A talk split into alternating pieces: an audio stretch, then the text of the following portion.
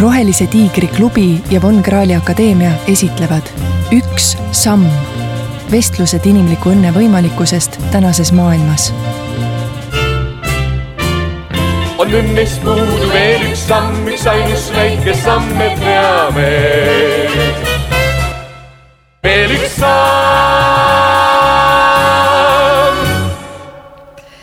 Tere, head inimesed, särasilmne publik siin Von Krahli baari salongis. tervitused meie tänase vestlusringi külalistele. meil on siin täna rahvatervise ekspert ja sotsiaalne ettevõtja Riina Raudne. on Von Krahli teatri juht, lavastaja, ettevõtja Peeter Jalakas ja insener, ettevõtja, digiekspert, ingelinvestor ja visionäär Taavi Kotka. tere teile.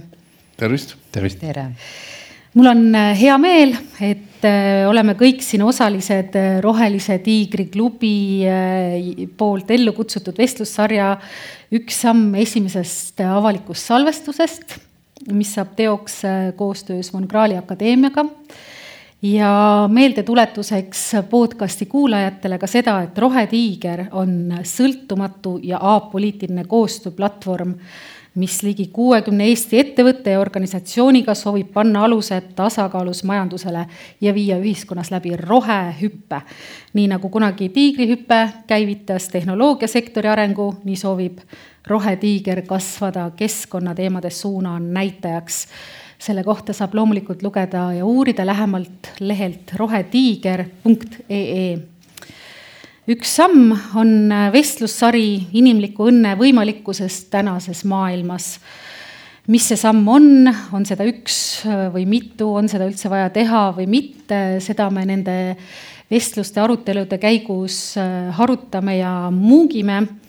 aga alustame meie tänasest peateemast, milleks ongi õnn aga paratamatult peame alustama hoopiski olukorrast maailmas, sest täna, kolmandal märtsil kaks tuhat kakskümmend kaks on käimas kogu maailma rapatanud Ukraina ja Venemaa vahelise sõja kaheksas päev.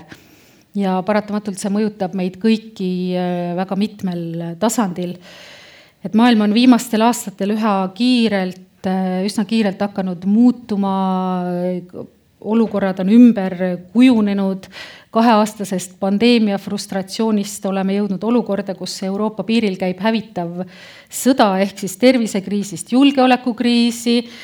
selle vahel on ennast sisse seadnud ka energiakriis ja kaugel need majanduskriisid ja loodus ja keskkonnakriisidki on, et avanguks tahakski teada, et kuidas me tänases äh, muutunud ja üsna keeruliseks kujunenud, kujunenud maailmast üldse õnnest räägime, et mis on õnn, mis on õnne olemus ja tähendus meie jaoks täna.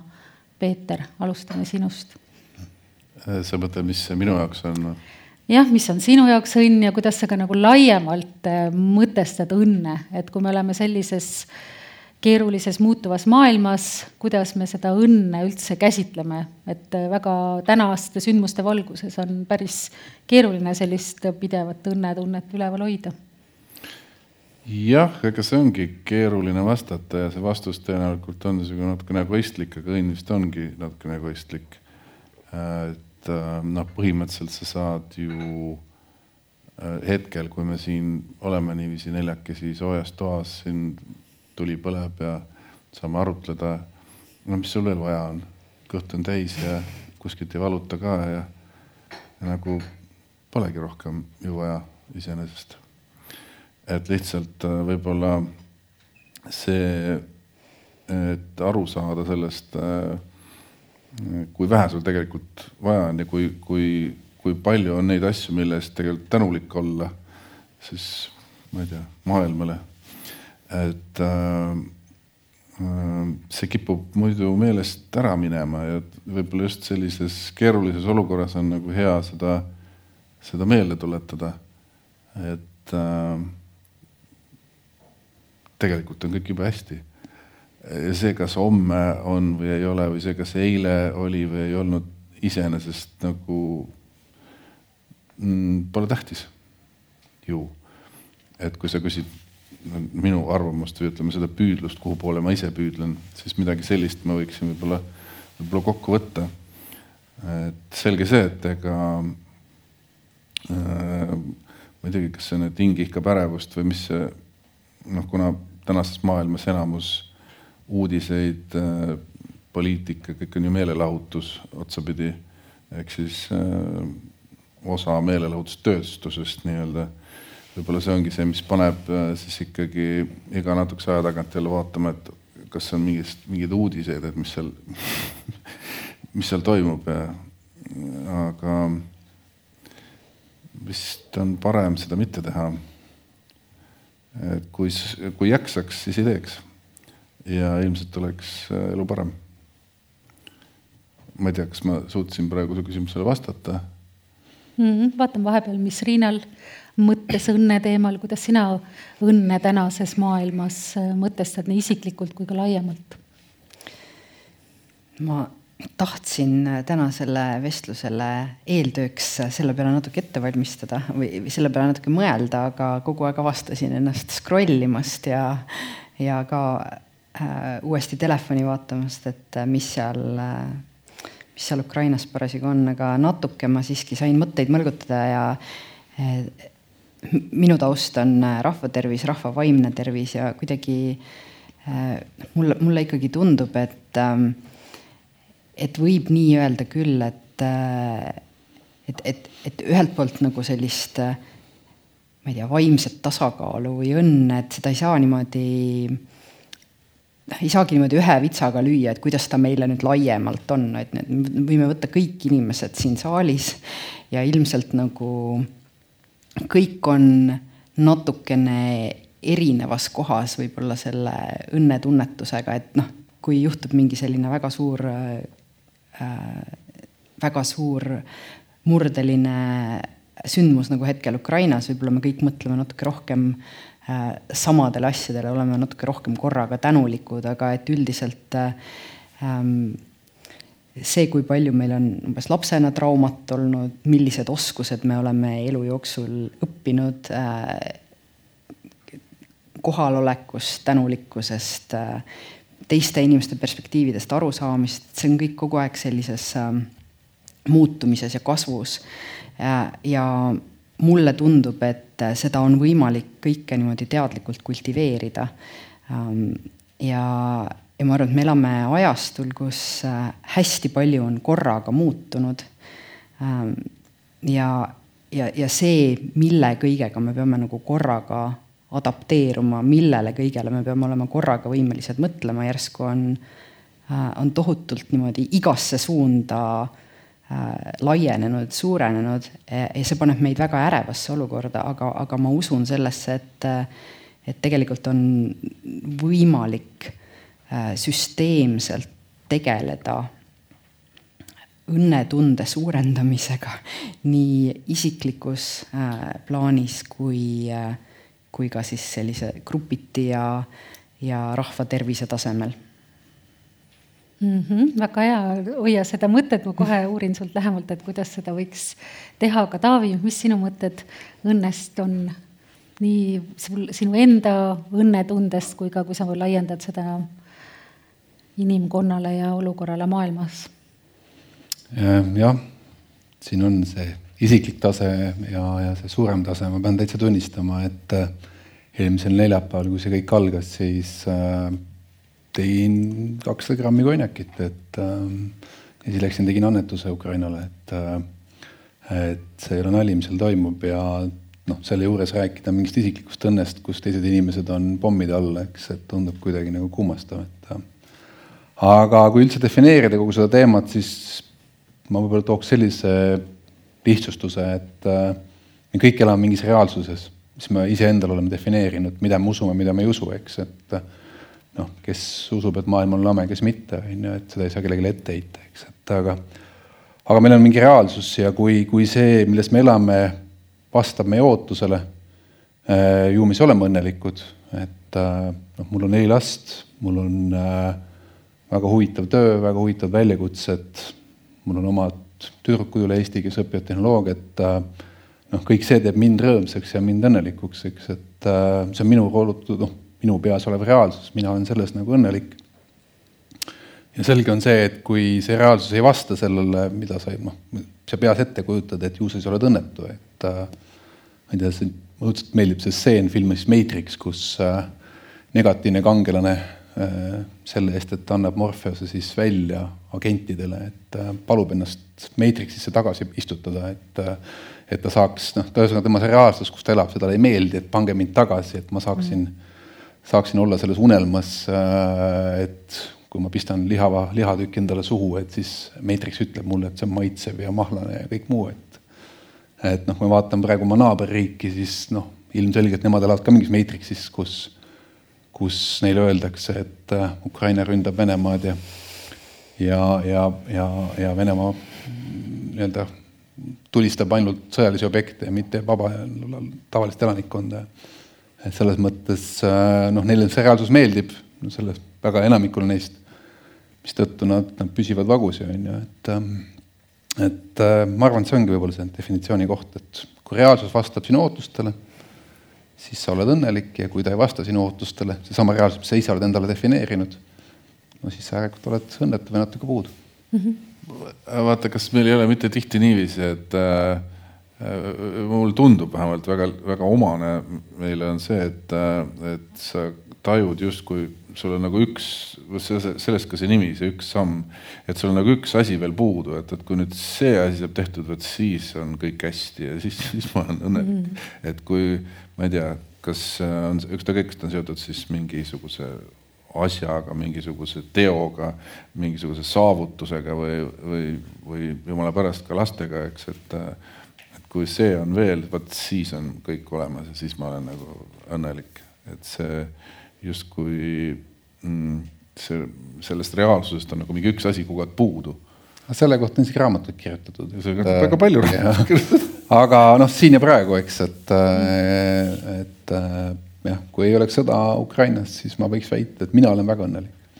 jah, aga võib-olla see, see minu meelest ongi noh, üks, üks nendest komponentoskustest, et tegelikult valida, tunda seda õnne selle üle, mis meil on, et võib-olla kui Ukrainas ei oleks sõda, äh, siis sa praegu ei mõtleks selle peale, et tegelikult on täitsa sinul endal põhjust rahu, rahul olla nende asjadega, mis sul hetkel hästi on ja mõtleksid just selle ühe asja peale, mis, mille veel võiks nagu äh, ära korraldada. võib-olla sina isiklikult mitte, aga ma arvan, väga paljudel mm. inimestel on see äh, noh, ikkagi soodumus või, või noh, ütleme ka sotsiaalmeedia tuletab meile pidevalt meelde mingeid asju, mille pärast võiks olla nagu ähm, rahulolematu no,. jah, rahulolematu või, või kuidagi Äh, aga, aga see võimekus endale nagu meelde tuletada neid asju, mis praegu on hästi ja tahta seda, mis sul on. Äh, et ma arvan, et see on, see on see oluline üks samm, mida kui palju rohkem inimesi suudaks teha, siis oleks nagu rahu rohkem. jah selles teie mõtetest kokku nagu ongi see tänane olukord tegelikult äh, nagu õnne teemal mõtisklemiseks äh, hea foon. et äh, kui sa ütlesid, et me äh, et meil on no, mingi ootus oma reaalsuse suhtes ja siis, kui see üht või noh, et kui reaalsus ja meie ootus selle suhtes äh, nii-öelda ühtivad, et siis, äh, siis me olemegi rahul ja õnnelikud, aga meie ühi-, lääne heaolu saavutus, konkurentsi, tarbimisühiskonda tegelikult on ju nagu sisse koodi sisse kirjutatud see, et väike ebapiisavus alati, et täpselt veel üks samm, natuke rohkem, natuke paremini, natuke kaugemale, kõrgemale, kiiremini, ilusamalt. nooremalt. et, et ja, et kui nooremalt, elujõulisemalt, rikkamalt ja nii edasi. et see praegune olukord on nagu selline äratus, raputus täpselt sellele, mis Peeter rääkis, et tulla sellesse hetke ja saada aru, et mis mul juba on ja väärtustada seda, et ongi väga hästi, et mina tegelikult lootsin seda äratust äh, sellest pandeemiast. ma oma noh, idealismis, võib-olla naivismis mõtlesin, et okei okay,, inimesed on nüüd kodudesse eh, nii-öelda suunatud ja vaibumine ja ei rahmelda ringi, et siis on aega nagu mõelda oma elude üle, mis on need väärtused, mis su elus on, mõtiskleda, võib-olla nagu tegeleda väikest viisi virgumisega, ärkamisega, saada teadlikumaks, noh nagu inimkond. tülli hoopis. jah, aga suurenes ju hoopis äh, masendus, depressioon, ärevus ja kõik muud sellised pigem, pigem nagu negatiivsed nähtused, et kahjuks see kaks aastat pandeemiat inimesi sellise nagu raputava äratuseni, noh, kindlasti paljusid viis, aga massiliselt ei viinud, et Riina, sina kui rahvatervise ekspert, ähm, kuidas siis, kui me võtame nüüd selle perioodi, mis on olnud, eks ju, et pandeemia ajal on see rahva vaimne tervis veelgi nagu murenenud ja ärevused, depressioonid noorte seas eriti, enesetappudest räägitakse, et nende arv on suurenenud, et kuidas sellise, ja nüüd on sõjateema õhus ja neid kriise tuleb veel ja veel, et kuidas sellises ähm, muutunud maailmas äh, õnne defineeritakse, kuidas see praegune kriiside ahel meie tervist ja seeläbi meie heaolu nii vaimsel kui füüsilisel tasandil mõjutab ja mida siis üldse teha, et sa enne juba jagasid väikse nipi, et mida võiks teha, sa võid äh, ka mõned praktilised nõuanded anda.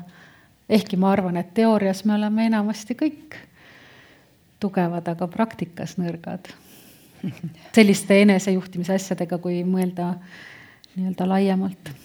kuna ma, ma olen nagu piisavalt ekspert, siis ma siiski pean äh, nagu kohe ütlema, et äh, ma jälle nagu kõikide asjade ekspert ei ole ja sa, sa tõid siin äh, hästi palju küsimusi, mil ma ei julgeks nagu ise kohe, kohe võtta sõna. aga ma, ma kuidagi isegi ähm,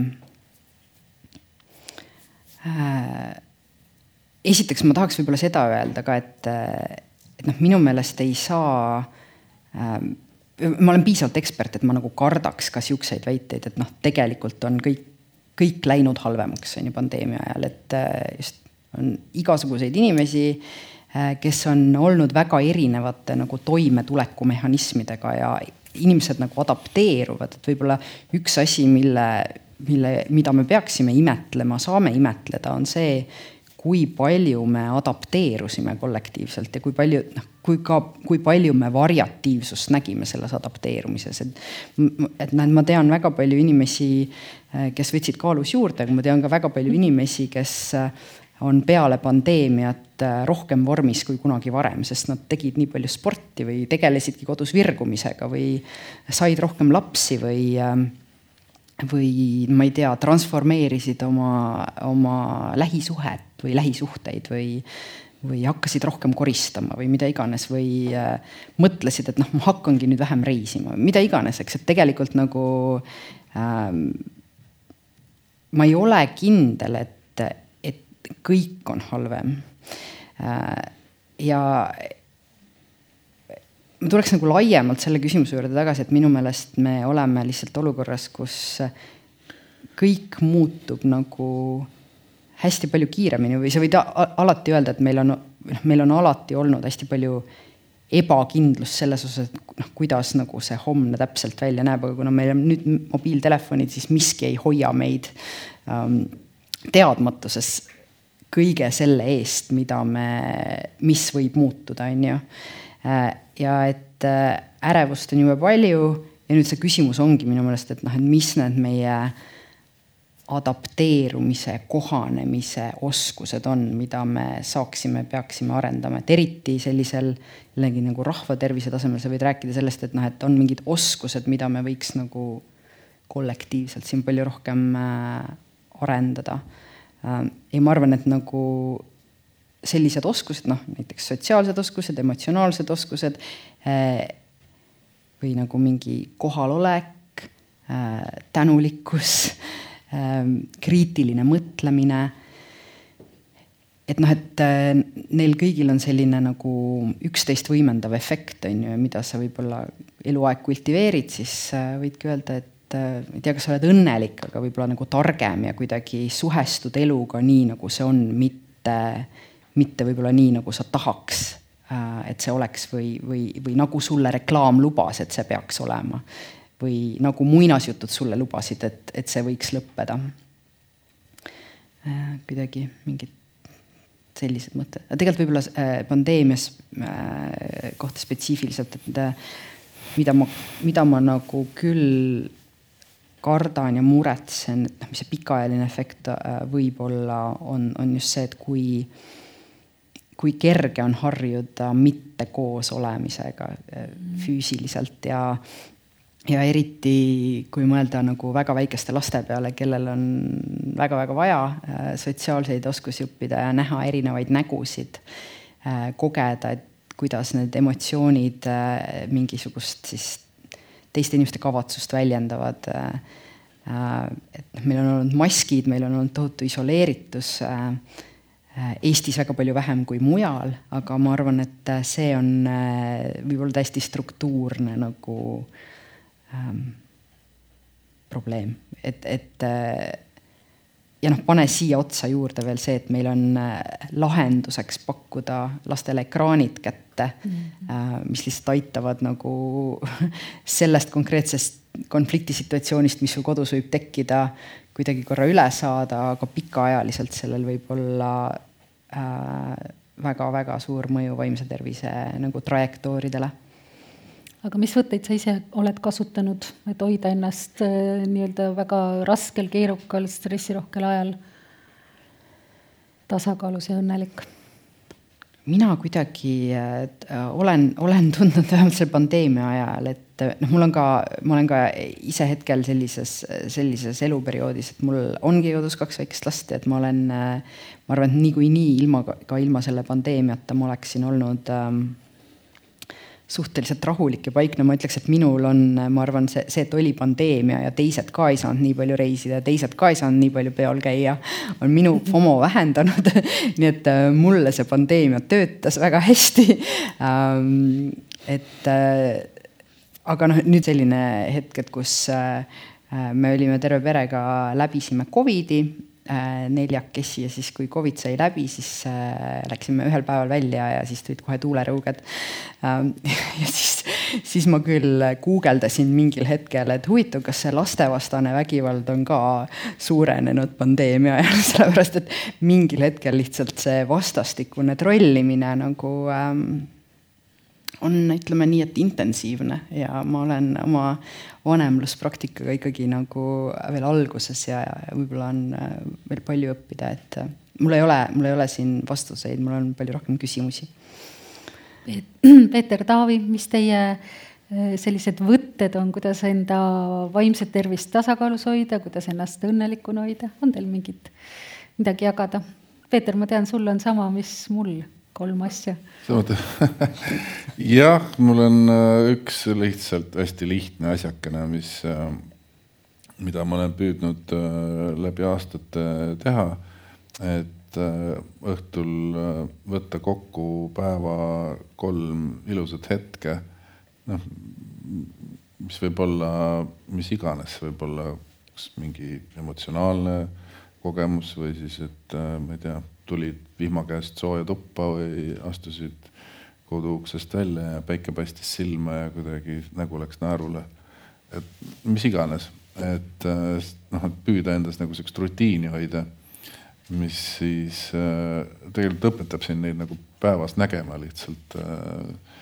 ja tegelikult igas päevas on nad olemas, et kui sa sellega alustad, siis ma mäletan, mul oli alguses päris tegu sellega, et kuidas see nagu noh polnud nagu midagi erilist, et mis see. ja kui sa, kui sa seda nagu harrastad niiviisi, siis nagu mingi hetk hakkad kuidagi nagu neid ka nägema rohkem. kui see oli see, mis sa küsisid?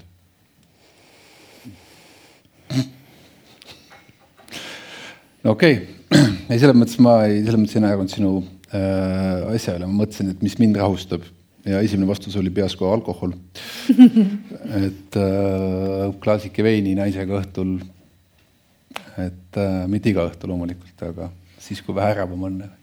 no miks mitte iga õhtu, see on traditsioon ju. noh, nad ütlevad, et kui iga päev jood, siis joodik on ju, et äh, siis jood üle päeva, siis ei ole, et äh, okay. aga ei äh, üks elu või ma ei tea, ettevõtjaks olemise üks rõõme või valusid on see, et sa sebid kogu aeg, et äh, kui sa sebid kogu aeg, siis, kuidas ma ütlen, ei ole aega depressiivne olla, et äh, et ongi, siis on vaja midagi suurt, mis lööb paigast ära, nagu oli seesama kahekümne neljas veebruar, eks, et mm., äh, et see tõesti lõi paigast ära ja, ja siis on, nojah, näed, siis kohe klaas, klaasi järgi läks käsi, on ju. no minul oli vaata see, see pandeemia ikkagi põhineb, ma järsku avastasin ühel hetkel, et ma, kõik asjad maailmas, millega ma üldse tegelen on seotud sellega, et inimesed tulevad kõik ühte kohta kokku mm.. et mul ei ole, ühegi teise asjaga praktiliselt ei tegelenudki. et kõik keelasid seda ja kõik olid ühel hetkel järsku nagu cut. et see oli päris äh, karm pauk. no mul oli vastupidi, ehk siis kuna kõik kliendid olid välismaal, me niikuinii suhtlesime üle video oma klientidega noh, ainuke, mis kukkus ära, oli see, et me muidu käisime iga kuu korra Indias, et, et siis me enam ei käinud, me ei lennanud sinna, aga muidu noh, töö mõttes, äh, mismoodi me tööd tegime, mitte midagi ei muutunud, nagu oligi sihuke, et noh, normaalne maailm, eks. kusjuures sa tõid selle välja äh,, selle üksinduse ja, ja üksi olemise, et äh, no ma ei tea, kui ma vaatan seda tehnoloogia vaatenurgast, kaks tuhat üheksa sai tehtud mingi ports ennustusi, et mis juhtub kaks tuhat üheksa, ammu aega tagasi et mis juhtub siis äh, järgmistel aastatel äh, tehnoloogia ja inimesega ja, ja ühe asjaga ma panin täiesti mööda. Äh, ma ennustasin, kui mitu tundi inimesed viibivad virtuaalmaailmas. ja ma toonitan, et raamatu lugemine on ka virtuaalmaailmas viibimine, sest te kujutate oma peas ette seda, mis, mis seal süžeena toimib, eks, et, et pole vahet, kas laps vaatab nii või loeb, noh, tulemus on tegelikult mm. sama, onju. ma tean, vanemad ütlevad ei ole, ei ole, ei ole et see on ikkagi halb ja see on ikkagi parem, on ju, kuigi noh, selle omamine, konsumeerimine võtab tükk maad rohkem aega võrreldes sellega, on ju. aga no need keskmised numbrid täna on juba masendavad, eks seal on viis ja kuus tundi ööpäevas, et kui me mõtleme, kakskümmend neli tundi on ööpäevas kokku, millest kaheksa tundi peaks magama, kuusteist jääb alles, sööd, jooksed, magad ka, sööd, jooksed ka seal vahel, et siis jääb veel noh, kuus tundi veel hammustad selle peale, et vaadata, mis Ukrainas toimub, on ju, et ega seal väga palju üle ei jäägi. et äh, ja see läheb veel hullemaks, võin lubada, et äh, ikkagi selgelt maailm liigub sinnapoole, et äh, kuna virtuaalmaailmas ei ole füüsikat, ehk siis seal ei ole seda, et äh, noh, kui te mõtlete näiteks avatari filmi peale, kuidas vesi kuskilt voolab ülevalt alla, kuidas sinna üles tekib, ei tea täpselt, suured kivimassid hõljuvad õhus, on ju, noh füüsikat pole, on ju, midagi alla ei kuku, on ju, et noh, et samas nagu gravitatsioon on nagu ei ole ka, on ju, et noh, et, et äh, ja meile miks see meeldib, sellepärast et me vaatame suu ammuli, vaatame oh,, vaata, mis maailm on loodud, on ju, et siis me inimestena noh, professionaalid teavad, et tahame järjest rohkem ja rohkem midagi, mis meid raputaks, meile meeldiks ja nii edasi. ja mingil hetkel nagu füüsilises maailmas füüsika saab otsa, aga noh, siin ei saa mm. -hmm. ja kui me räägime kaasatusest, siis noh, sorry, aga inimene, kes oli ei keegi, on täna tegija. noh, vaadake Pealtnägijat vaadake neid noh, minu meelest hulle on ju, kes nagu võitlevad kurat teab millega ja tunnevad, et kõik on nendega kaasas ja, ja enne oli mul null sõpra, vaadake nüüd Facebookis, oh jumal, kolm tuhat kakssada on ju, et noh, et, et vaata, kui populaarne ma olen, et see tehnoloogia on tegelikult on paljudele võimaluse üldse enam olla, mitte olla üksik mm. -hmm. et äh, ja see, et me oleme nendes virtuaalmaailmades üha rohkem ja parema meelega, see on kindel äh,. noh, tulevad jälle need tagasi, et äh, panen klapid pähe ja, ja noh poiss tuleb kooli, koolist koju, õpib ära ja siis tšau emme. kaks tundi. see, ma olen siin täna, mulle meeldib siin, okei siin läks elu natuke keeruliseks, mingid suhted läksid veits nagu rappa, lähen siit maailmast välja, delete mm, -hmm. uus maailm. et noh, siin on hobune, seal olen naine, ma muide täitsa üllatav, kelle lapsed on mänginud Fortnite'i. et äh, see on niisugune sõjamäng, lapsed lähevad sinna siis noh, põhimõtteliselt valivad endale tegevuskulud. ühel hetkel avastasin, et äh, mul kaks vanemat poega koos oma klassivendadega, neli tegelaskuju, kõik on, näevad välja nagu Catwomanid. ühesõnaga, sõdivad Catwomanid nagu naised, naise, naise riietuses. Te lähete sõtta jah, naistena et noh, et, et nagu minu ajal võimatu on ju, et ikkagi võimalikult Rambo pead välja nägema selleks, et sõtta minna on ju, ja teil on siis nagu noh, nahksed kostüümid, kõik seisavad niimoodi on ju. et noh, vaikselt hakkasin mõtlema juba, et mine tea, et see iseenesest on okei okay,, ole okei. Okay.. et, et, et äh, mis probleem on ju, et ei, ägedamad kostüümid on ju. Mis tähendab seda, et virtuaalmaailmas neil ei ole mingeid piire selle koha pealt, kas ma olen mees või naine või mismoodi ma sõdin, kes ma olen, et et noh, loevad mingid muud nüansid üldse ja, aga on oluline on see, et see paelub neid. ja kui ma täna noh, jõuga ei võtaks seda seadet käest ära, ma teen seda, mina võtan jõuga ära. et äh, siis nad istuksid seal kogu aeg. et äh, ja noh, mõtlengi, ühel hetkel nad saavad piisavalt vanaks, lendavad kodust välja, noh, kes siis seadet ära võtab, eks. kõige rohkem sellest kuueteistkümnest tunnist, mis alles on äh,, kulutavad mängimiseks virtuaalmaailmas, maailmas olemiseks kolmekümne viie aastased mehed ja mis uus põlvkond tuleb, kes nüüd peale tuleb, see kindlasti hakkab rohkem raamatut lugema või? okei, ise saate ka aru, kui naljakas see on, onju. et äh, ja noh, mõtlen noh, see kogu see virtuaalmaailmade autentsus, äh, see, mis nad võimaldavad, seesama, see võimalus, et kui mul on igav, ma lahkun, ma suren siin maailmas ja ärkan kellegi teisena üles kuskil mujal maailmas. see on nii paeluv, nii et äh, kui me räägime siin rohetiigrist mm., siis jah, arvutusvõimsused suurevad, suurenevad, aga, aga see soov minna vaatama päris Pariisi, ma arvan, et see väheneb ja kohe tuleb ju metaversum kõikvõimalikes no erinevates variantides, kus jah. sa saad veel, sa saad seal peaaegu et elada ja sa saad seal oma sõpradega kohtuda, olla kõik tegelaskujud ilma nende nii-öelda ka ainult mänguta, on ju. et kas see. see see jah, see kõik ja. ongi, nojah, see ongi virtuaal, aga kui sa veedad seal juba suurema osa oma ärkveloleku ajast ja sinu ja, ja vaat on ju uuringud, et ta, meie aju usub seda, mida ta näeb, eks ju et mida rohkem sa seal oled, seda rohkem sa seda usud ja elad. et me tegelikult otsapidi olemegi ju Matrixis. et see lihtsalt, praegu me käime veel nii-öelda päriselus ja päris looduses, aga kui sul on võimalus lennata mingite ägedate lindude, loomadega, kõige võimsamate koskede, metsade, mida enam ei ole sel ajal, aga kohal. sa mõtled seal nii keeruliseks, see on rohkem pigem see, et kellega ma hängin ja kus ma hängin ja mis me teeme lõbusat, on ju, ja, ja ühesõnaga needsamad inimsuhted, need saavad defineeritud hoopis teisel moel, eks, et, et. kas see oli vist Elon Musk, kes vaata ütles, et, et on ju loogiline, kui me mõtleme täna, et mm, vaadates tehnika arengut, siis ühel hetkel on arvutimäng niivõrd sarnane, reaalsusega, et teda on võimatu eristada mm -hmm. reaalsusest. ja, ja siis sinna otsa, et aga kes ütleb, et see ei ole juba juhtunud. jah. no jah ja.. ma küsiks Aga..., tulles, tulles siia äh, selle adaptiivsuse kohanemise juurde tagasi, et noh, et, et ma olen valmis uskuma, et mingi suur osa populatsioonist hakkabki nii elama, nagu sa kirjeldad, niimoodi äh, ütleme keskpikas perspektiivis näiteks mingi kakskümmend, kolmkümmend aastat, aga, aga mis, mis te arvate, kuidas, kas ja kuidas inimkond nagu siis äh, millega peab adapteeruma või arvestama, kui, kui see läheb väga suureks, et näiteks, et noh, kui sul ongi metaversumis võimalik, võta näiteks suhted, on ju, et sul on võimalik teha endale nii äge avatar, kui, kui sa tahad, on ju, suhelda teise nii ägeda avatariga, kui sa tahad, aga nagu ja delete ida sellel hetkel, kui see enam ei sobi ja su algoritmid teavad sind nagu nii hästi, et mitte ühegi teise päris inimesega suhestumine äh, nagu see, no ei tule sellele ligilähedalegi, et, et äh, mis äh,, mitu põlvkonda me nii saaksime või kuidas, mis need nagu. ma lihtsustaks seda, kui tohib. jah, palun. Äh, virtuaalporn on kõige kiiremini kasvav pornotööstuse liik. miks? noh, nõudlus mm. -hmm Äh, selle reaalsus jällegi, kuigi noh, ütleme nii, et kes on näinud, teab, et ikkagi reaalsusest on päris kaugel veel.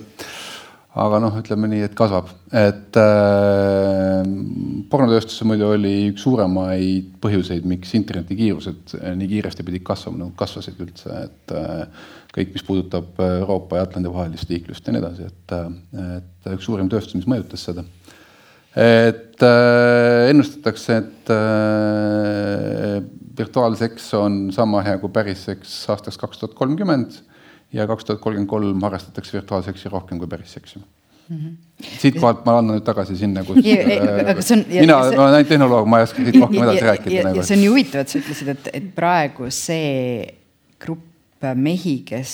Äh, miks mehi? kõige rohkem äh, mängib arvutimänge ah,, okay. on äh, kolmekümne viie aastased. minu viga äh,.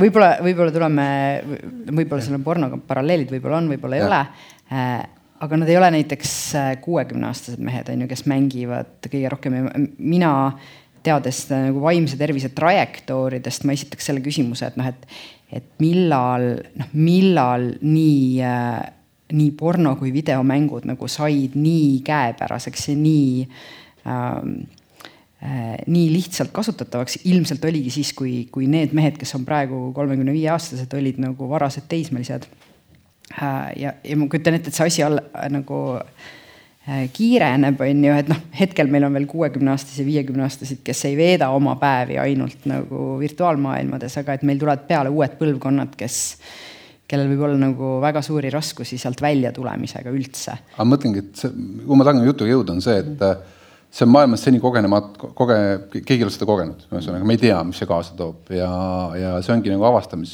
ma ei tea, kas rõõm või mure, eks on ju. ja kes ütleb, et nad peavad sealt üldse välja tulema, on ju, noh, kui sul on ikkagi vanaema, vanaisa, kes ma ei tea, kaotas oma eluaegse kaaslase, on ju, et äkki noh, see ongi see, mis aitab tal edasi, elada, on ju. Mhm. või vastupidi, et äh, inimene, kellel nagu päris maailmas on suhtes võib-olla probleemid või raske hetk, on ju, võib-olla just see on see, mis aitab tal üle sellest kohast saada. ehk siis seal võib olla ka positiivset, me ei tea seda nagu, kas ta on ainult üdini halb, sellepärast mm -hmm. meile tundub, et kui me vahime seda ja me ei loe raamatut, siis me teeme midagi halvasti, noh mm -hmm.. Matrix, prohvetlik film aastast tuhat üheksasada üheksakümmend üheksa. jah, noh, see on lihtsalt üks selles mõttes ikkagi äge, et on selliseid visionäärlikke äh, teemasid ja tegelasi ja Taavi, sina oled ka üsna visiooni äh, võimekas, et üks sinu uurimisteema on äh, virtuaalriigid, et kui me siia küberisse jutuga sattusime, et äkki tee väike ülevaade ka virtuaalriikide olemusest, et kuidas sa seda ette näed, et mis see enda. palju meil aega oli? lühidalt et meil on veel igasugu teemasid, aga, aga kas see on siis üks kogu selle eelneva jutu nii-öelda järgmise sammuna, et kas see on siis üks selliseid äh, tulevik nagu võimalikku mm -hmm. maailmakordasid, kuidas hakkavad äh, inimhulgad omavahel ma kirjutasin esimesed teadusartiklid sellel teemal kaks tuhat neliteist, viisteist või, et see oli osa mu doktoritööst, et äh, noh, kui me vaatame kasvõi Eesti näitel, kui kõik teenused on virtuaalselt kättesaadavad, siis tekib küsimus, et äh, kas neid peab pakkuma nagu ainult oma riigi inimestele ja sealt loogiline samm oli e-residentsuse sünd, eks. et äh, seal on paar probleemi. ehk siis äh, noh, täna näiteks sa võid saada MIT diplomi, mis on siis Bostoni tehnoloogiaülikool, eks, et sa võid saada selle diplomi ilma, et sa lahkuksid Eestist. teed oma virtuaalkursusi ja osaled selles. ehk siis sul on võimalik raha eest saada endale noh, näiteks tehnoloogias maailma parim haridus. nii, kui sul on tervislik probleem, sul on mingi eriline haigus mille, ma ei tea, ravimisoskused või kõrge, kõige kõrgemal tasemel on näiteks kas Rootsis või Šveitsis, sul raha on, noh, sa võid minna, sa ei ole nii-öelda nagu ütleme, need, mille puhul riigil on alati olnud monopol nagu haridus, tervishoid ja nii edasi, et et need ei ole nagu äh, enam ultimatiivsed, et sa võid olla, no mulle õudselt meeldib see näide juutidega, et et juut, kes elas Moskvas juut, kes elas äh, New Yorgis oli selle riigi osa, ta täitis selle reaalse maailma reegleid, noh, ma ei tea, punane tuli, seisan, on ju mm, -hmm. maksan makse nii palju, on ju, et ma täidan neid reegleid, aga siin ma olen ikkagi juut. mis tähendab seda, et ma noh, abiellun teise juudiga ja hoian oma traditsiooni ja nii edasi ja see on aidanud neil äh, läbi aastatuhande vastu pidada, et täpselt samamoodi nagu virtuaalriikide puhul äh, alati on arvatud, et riigi äh, loomiseks on vaja maad samas meil on olemas riik, äh, kellel ei ole maad, Malta rüütlid, eks, et, äh, et kokkuvõttes jällegi noh, vajalik selleks, mis on riigis vajalik, on, on hulk inimesi, kes siis otsustavad, et äh, kas nad käituvad noh, nii või naa, mis reeglid nad järgivad, eks. ja me tegime Eesti neid andmesaatkondi ja, ja põhimõtteliselt meil on ju arvutusvõimsus väljapoole Eestit ka täna olemas selleks, et kui meiega siin midagi juhtub et me isegi mängisime läbi stsenaariumid, et kas saab äh, nii-öelda jätkata Eesti kui rahvusena virtuaalselt olukorras, kus äh, meil äh, noh, maa näiteks anastatud äh, putinistide poolt, eks, et äh, ja me jõudsime sellega päris kaugele, aga seal jõua, juhtuvad teatavad probleemid. ehk siis äh, niikaua, kui me noh, teeme seda mängu selliselt, et davai teeme, lepime kokku, et me teeme kambakesi oma riigi mm, -hmm. tellime parimad arstid, tellime parima lastehoiuteenuse, laste kasvatamise, mis iganes. ja see kõik käib virtuaalselt peamiselt, äh, vahet pole, kas sa oled Hongkongis või Singapuris, me kokkuvõttes oleme üks virtuaalne riik, ma ei tea, nimetan seda Elon Musk'i riigiks näiteks, on ju. et äh, siis noh, sinnamaani, kuni sellel ei ole seoseid füüsiliste objektidega, no a la kinnisvara, sinnamaani on kõik lihtne et kinnisvara puhul näiteks tekib see probleem, et äh, kuidas äh, tekitada olukord, et see vara tõesti, ütleme, ma ei tea, mina elan äh, väljapool Eestit, Eva elab Eestis, meil on virtuaalne Eesti riik, maa on okupeeritud.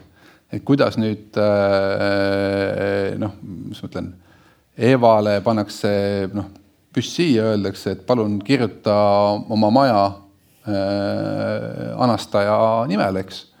Noh, kuidas me saame tagada virtuaaltingimustes, et, et seda ei juhtuks? NFT-na ei, selles mõttes äh, kokkuvõttes ei noh, püss läks ja kirjutati registris ümber ja, ja läheb nagu välja, et, et selles mõttes nagu ühesõnaga füüsiline jõud füüsilises maailmas on see, mida nagu, millega virtuaalriigid peavad alati arvestama. ehk siis, kui noh, mingi vend ikkagi relv käes tuleb ja võtab, et siis selle vastu sul võib olla nagu ükskõik mis õigus kuskil seal virtuaalruumis, on ju, et see ei päästa sind, on ju, et äh, ei päästa ka NFT selle koha pealt. ma võin sellest palju rääkida, mis puudutab NFT-sid, see on juba teine jutt et, äh, et selles mõttes äh, teha oma riik, teha oma kinni klubi, teha seal oma haridussüsteem, meditsiinisüsteem, kõik riiklikud teenused, mis me oleme harjunud saada monopoolselt oma füüsilise riigi poolt, see kõik on lihtne.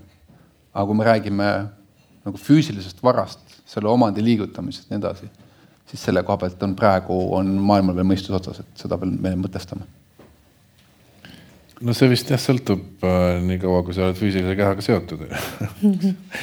Ma jäin mõtlema sellele, et me tegelikult praegu drive isime või kuidagi glide isime siit nagu väga kaugele sellest algsest teemast, et aga lihtsalt, et kui võtta seda, neid erinevaid reaalsuse kihte, mida tänane tehnoloogia meil võimaldab äh, justkui niiviisi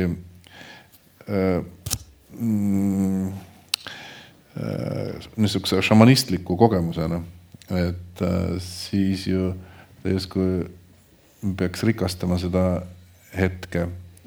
ja minu jaoks see tundubki kõige võluvam nende uute tehnoloogiate puhul, et mul on nagu see niisugused kaks äärmust, et ühest küljest ma olen terve elu olnud väga erutunud kõikvõimalikust uuest tehnoloogiast.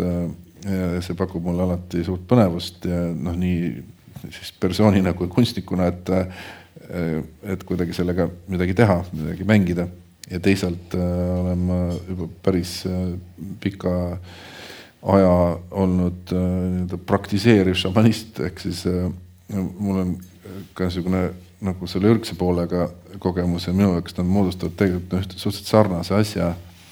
Et nad mõlemad kuidagi avavad sulle seda, seda hetke või seda noh, mida me oleme harjunud reaalsuseks kutsuma kuidagi mingi uue nurga alt, mis äh,, ma ei tea, kuidas selle õnnega seos on, aga, aga kui sa seda koged äh,, siis äh, mul on küll olnud sihuke suhteliselt õnnelikke hetki et see tehnoloogia ei pruugi olla nagu saatanast ainult, et tal on äh,, loomulikult ta imeb meid, meid endasse, aga kuidagi ma arvan, et mm, need poisid, kes seda mängu mängivad, ikkagi ühel hetkel nad enam ei mängi, et äh, mul on nagu mingi või, või vastupidi, nad ei ole võimelised mitte et, mängima äh,. et nad ei ole võimelised mitte mängima või? jah. Taavi, tahtsid lisada? Äh, ma ei tea, no võib-olla, võib-olla siis need poisid, kes mul on suuremaks kasvanud, et võib-olla siis nad olid veel siis sellest perioodist, kus see oli veel võimalik või et igal juhul ma olen täheldanud nagu seda, et see on nagu mööda läinud.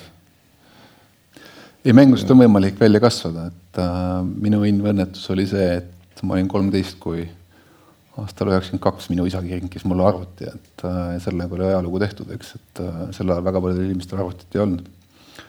aga meil täna on see roheteema ka ikkagi mängus, ma saan, et peaks nagu olema veits, et äh, sest mina selles mõttes usun, et tehnoloogia ikkagi äh, nagu päästab selle koha pealt maailma. et ühelt poolt äh, jah, meil on vaja suuremaid äh, arvutusvõimsusi, aga noh, ütleme võrreldamatult vähem on seda vaja, kui näiteks meil kulutame lennunduse peale ja kui me võtame mingeid näiteid äh,, ma ei mäleta selle sündroomi nimi, aga, aga mis juhtub Jaapani naisterahvastega, et neil on nagu läbi kirjanduse ja kultuuri, neil on mingi unistus Pariisist siis nad lähevad Pariisi kohale, siis nad avastavad, et see pole üldse nii ilus, kui nad ette kujutasid. ja siis toimub niisugune nagu meltdown, et noh, et, et äh, seal on mingi nimetus ka, keegi oskab aidata saalist. Et äh, selle kohta saab lugeda. aga ühesõnaga jällegi noh, virtuaalmaailmas, ilma sinna kohale lendamata, ilma nagu säästmata on võimalik tegelikult tekitada selline Pariisi kogemus, mis iseenesest vastab sellele unistusele mm -hmm. ilma selle meltdown'ita, eks, et mm. -hmm. et kes on palju rännanud, on avastanud, et noh, ütleme nii, et Kiisa püramiidid on eemalt nagu pilli pealt väga tore vaadata, aga kui sa vaatad nüüd keset Kairot, siis noh, polegi enam nii glamuurne, on ju, et, et. aga seal on see võlu, et see on päris elu ja aga noh, jällegi, et noh, et, et äh, kui see päris, kui see virtuaalelu läheb nii sarnaseks selle päriseluga ja see virtuaalelu on seal hästi pakitud äh, ja see on nende kaaslastega, kellega sa tahad sinna minna, mitte mm.. oma perega. noh, ma kuidas nüüd seda viisakalt öelda, ütleme niimoodi, et äh, nelja lapsega reisimisel on omad äh, väljakutsed, on ju, et äh, teised nimetavad seda puhkuseks, minu arvates on see hullem kui töö, ma ei jõua ära oodata, et saaks tagasi tööle nagu, et et naisega kahekesi loomulikult suurepärane, aga noh, palju neid hetki on, kus sa lähed reisile naisega kahekesi, on ju, et. Riina, tahtsid lisada? ja mina tahaks kuidagi võib-olla selle juurde tulla, et noh, mulle tundub, et ähm, et kui me õnnest räägime, et siis me tihti kuidagi keskendume sellele mitte layer'ile, aga nagu ütleme sellele indi-, individuaalsele poolele, et noh, individuaalsele aspektile, et noh, et mis mind õnnelikuks teeb mingil hetkel, aga, aga ma arvan, et tegelikult me oleme alati ka osa kollektiividest, me oleme nagu sellised karjaloomad, sellised karjaolendid. et äh, mul on järjest rohkem veendumus, et äh, meil on seda tegelikult nagu väga sügavatel tasanditel vaja äh,. ja et hiljuti ma just olen töötanud läbi paar raamatut, mida ma kõigile soovitan, et ühe pealkiri on Mothers and Others ühe sellise primatoloog, antropoloogi poolt, kelle nimi on Sarah Blaffer Hardy ja tema, tema siis räägib sellest, et äh, umbes kahesaja üheksakümne seitsmest primaadiliigist on ainult neli, kes äh, tegelevad sellise asjaga nagu kollektiivne laste eest hoolitsemine.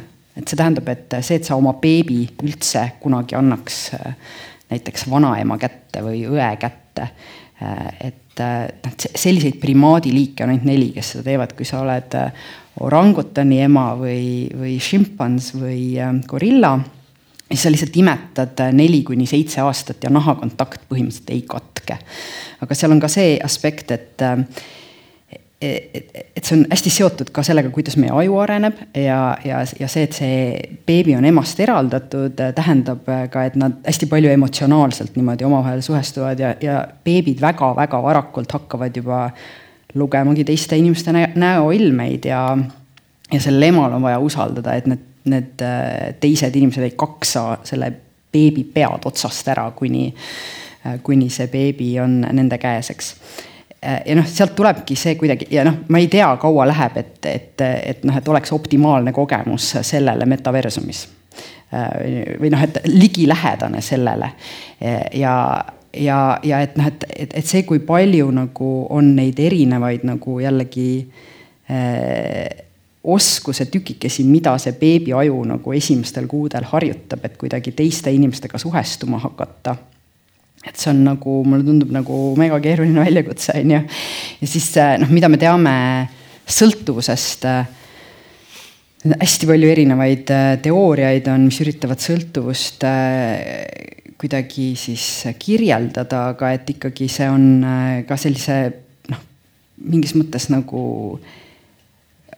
adekvaatse koosolemise äh, võimetus või mingisugused, mingisugused väga keerulised defektid kuskil nagu selle koosolemise harjutamises, eks, ja siis, siis väga tihti siis äh, nagu see, see sõltuvust tekitav asi, kas see on siis mingi videomäng või mingi aine, saab nagu selle aseaineks, et, et see koosolemine nagu tuleks hästi välja. et äh, jällegi, kuidas ennetada sõltuvusi, on see, et me harjutame emotsionaalseid oskusi ehk endaga olemise oskusi ja sotsiaalseid oskusi ehk teistega olemise oskusi. ja minu selline küsimus siin ongi see, et mul on, mul on ikkagi tunne, et kui me seda õnne defineerime ainult nagu läbi selle, et mis mulle hetkel rahuldust pakub, on ju, et noh, et kas see Pariis nagu äh, on selline, nagu ta minu peas oli. et esiteks üldse, kuidas, kuidas see idee Pariisis sinna minu pähe sai Äh, on hea küsimus, on ju, sest Jaapani naised ei sünni mingi valmis ideega Pariisist. et äh, see tuleb läbi kogu selle kosmeetikareklaami, kogu nende äh, sügis-kevad äh,, sügi, sügis-talv, on ju, kevad-suvi moetrendide, kataloogide, mingite kuvandite, mida me vaatame eluaeg, eks. ja siis äh, äh, et noh, mul, mul on, mul on nagu selline tunne, et, et me peame selleks, et rääkida mingisugusest nagu tasakaalust selles nii-öelda õnnes, selle, see, see, see kollektiivne komponent või see, et see, ka see kuvand oleks nagu teistega jagatud äh, ja teistega koos kogetud oskuslikult äh,, on nagu hästi-hästi oluline seal. ja ma ei tea, kuidas äh, metaversum seda täpselt lahendab. ei lahendagi ei lahendagi. ma ei tea täna on need sõbrad, homme on nood sõbrad. ma olen selle õnne teemaga elu jooksul hästi mitmed korrad äh, kuidagi põkkunud siis on mu elus olnud mitmel moel. vist esimene kord, äh, kui ma olin äh, rohelistega seotud, mm, siis oli vist, kui me tegime seda, neid mõttetalguid, minu meelest seal käis see väga selgelt läbi ja siis ka kultuurikoja puhul, kui seda sai tehtud. ehk et äh, see kuidagi on asi, millele ma olen tegelikult palju mõelnud. et see on nii kummaline, et me riigina nagu seda äh, ülima eesmärgina ei, ei, ei, ei teadvusta või noh, nagu ka ei, ei ütle välja, et äh, noh, iseenesest kui järgi mõelda, et mis selle riigi mõte siis üldse on, kui see ei ole, et seal elavad õnnelikud inimesed et justkui see tundub nagu nii elementaarne, aga kui sa hakkad sellest rääkima, siis kuidagi see takerdub. ja ei oskagi nagu täpselt näpu peale panna, et kuhu ta takerdub, et, et miks see nii keeruline on nagu seda omaks võtta, et minu loogika on olnud vist enam-vähem kõigil neil kordadel see, et see on ju iseenesest oleks nii lihtne asi ja see paneks vaata meie arutelud hoopis kuidagi nagu selgemasse valgusesse, et kui me tihti kurdame, et noh, et pole noh, täna ilmselgelt enam ei kurda, kuna olud on nii palju muutunud, aga veel mõne aasta eest, eks ole, oli see ju suhteliselt tavaline, et mis see üldse nagu selle eesmärk on, et mis see meie riigi ja riikluse nagu siis kaugem eesmärk on, mis meid kuidagi nagu ühendaks ja nii. et siis nad olid hästi praktilised, et seal oli see viie rikkam hulka ja mis need nagu niisugused äh, meemideks saanud äh, need äh, kunagised sloganid on et äh, kõik need ju vaata, kui sa ütled selle välja, et meie riigi eesmärk on see, et siin oleksid õnnelikud inimesed. nüüd kõik otsused, mida sa teed, asetuvad sellele foonile. et see tähendab, see otsus peab kuidagi teistsugune olema, ta noh, võib-olla ongi täiesti pragmaatilistel põhjustel just selline. Aga nüüd sellele hinnangut andes on sul võimalik võtta kuidagi nagu seda arvesse võtta, mulle tunduks see nagu nii imelihtne ja loogiline aga mis need õnnekomponendid ikkagi seal oleks, kuidas me seda abstraktset õnne siis ega nagu ei saagi ta, operatsionaliseerime? sa ei saa, noh, selles mõttes sa ei saa kirjutada nagu mm, definitsiooni, eks, et, et seda, vähemalt mina ei oska, võib-olla keegi oskab. ilmselt keegi oskab, jah. Taavi, Taavil on kohe jah, Taavi, sina oled. juba või? ei, ma mõtlen no, ikkagi tagasi selle, selle juurde, et äh, õnn on ikkagi see reaalsus, mida sa ise ette kujutad, et noh, ma ei saa ju teha niimoodi, et äh, ma ühesõnaga, ma teen midagi, mis ma arvan, et sind teeb õnnelikumaks, ma võin ei, üritada, eks, aga see kokkuvõttes, see õnn on ikka sinus endas, et kas sa oled siis selle peale õnnelik ei ole. sa saad aidata kaasa. aga vot selle, siin ongi nüanss on ju, et selle.... Taavi, sa oled hästi adapteeruv, äh, vaimselt terve inimene ei, selles mõttes, et äh, ma enam Need, need asjad on sul nagu hästi balansis, aga, aga aga on ka väga palju inimesi, kellele see on mingi meeletu nagu life goal, et nad kogeksid nagu sellist tasakaalu. ei, selles mõttes nagu äh, ma ei tahagi öelda, et noh, et mul on nagu terve elu läinud hästi ja kõik on nagu kogu aeg õnnelik olnud, eks, et äh,. aga ma tahan lihtsalt tulla selle juurde tagasi, et, et see õnn on minu arust alati sügavalt isiklik mm., ehk siis nagu kas noh jällegi minu kurbus või minu rõõm ei saa nagu teha sind nagu õnnelikumaks, on ju, et või saab, loomulikult sa mõjutad seda, kui sa tahad. aga, aga kui ma ta juurde tahtsin näiteks, et noh, ongi seesama see reaalsus, mis sa kujutad nagu endale ette, et noh, mõtleme, võtame sellesama näite, äh, mis ma siin läbi välja käisin, sama e-residentsus näiteks mm. Noh, ma läksin äh, ettevõtjana oma arust riigile appi noh, laenasin oma aega riigile, et äh, ma ei teinud seda tööd ju raha pärast või oligi see, et noh, et, et läheme teeme siis midagi, midagi riigi jaoks. ja mõelda välja süsteem, kuidas teha Eesti majandus suuremaks, ilma et siia nagu noh, päriselt nii-öelda võõrad massid sisse voolaksid, on ju, et noh, et teeme siis virtuaalselt, las toovad raha siia, ise jäävad väljapoole piiri, on ju. igasuguse krediidiunistus, on ju. et, äh, et sa mõtled nagu välja süsteemi, et ja sa tood riigile raha, näiteks sel aastal tõi ta, eelmisel aastal nüüd tõi rohkem kolmkümmend viis miljonit, on ju. noh, ma mõtlesin, et noh, jess, et küll me oleme oma meeskonnaga kõvad tegijad ja me mõtlesime välja niisuguse asja, panime tööle, on ju. noh, see pasalaviin, mis aastaid on tulnud kaasa selle projektiga nagu, kui halb ja nõme ja nii edasi on, on ju, noh, ja nagu kõneisikuna nagu loomulikult saad selle kõik endale peale, on ju noh, ma olen mitu korda ikka olnud selles mõttes nagu noh, mitte õnnelik või pettunud, on ju, et issand jumal, on ju. kuidas te lollid ei mõista, on ju, et noh, et, et mina tulin, andsin oma aega, mõtlesin jumala kihvti asja välja, on ju, koos oma meeskonnaga, on ju, ja teile ei meeldigi, noh. et see ei olnudki teie ettekujutus õnnest? ei no selles mõttes te nagu noh, oma arust nagu mina patrioodina on ju, et noh, riik läks ju paremaks. mõtle, kui palju Javeline saab osta selle eest, on ju, selle raha eest, on ju, sest noh, tegelik panus tegelikult sellesse või noorte huviharidusse ja mitu no, orkestrit no, saab üleval. jah, vot näed, mitu, mitu orkestrit saab, huviharidusse niikuinii riik ei pane, et sinna saab mm. panna niikuinii ise aga ühesõnaga, et, et, et mitte kõik ei teegi nagu, nagu noh, ühesõnaga kõik ei mõista seda oma. see on, see on ja. täiesti tavaline, selles mõttes, ega ma olen ise samas ja, olukorras ja. olnud nagu vaata et terve elu, et ise finantseerinud iseenda loomingulist tegevust. ise oled jumala geniaalne onju, aga teised kurat nagu aga, aga ei, ma, mina rääkisin sellest, et vaata, kui sa defineerid riigi eesmärgina selle, et riigi eesmärk on see, et seal elaks võimalikult palju õnnelikke inimesi, eks ole. siis me ei pea sellele tasandile üldse minema, et mis nüüd sind õnnelikuks teeb või mis teda, see, noh, see ei ole point, eks ole aga see paneb vaata su otsused riigina juba mingisugusesse konteksti, eks et seni, kui sa seda ei tee, kui sa ütled, et meie eesmärk on olla nagu, ma ei tea, mul ei tule praegu ühtegi uuemat lauset meelde, kui see viie rikkama riigi hulgas. Äh, ilmselt on olnud mingeid uusi veel, aga need pole nii ägedaks meemiks vist saanud.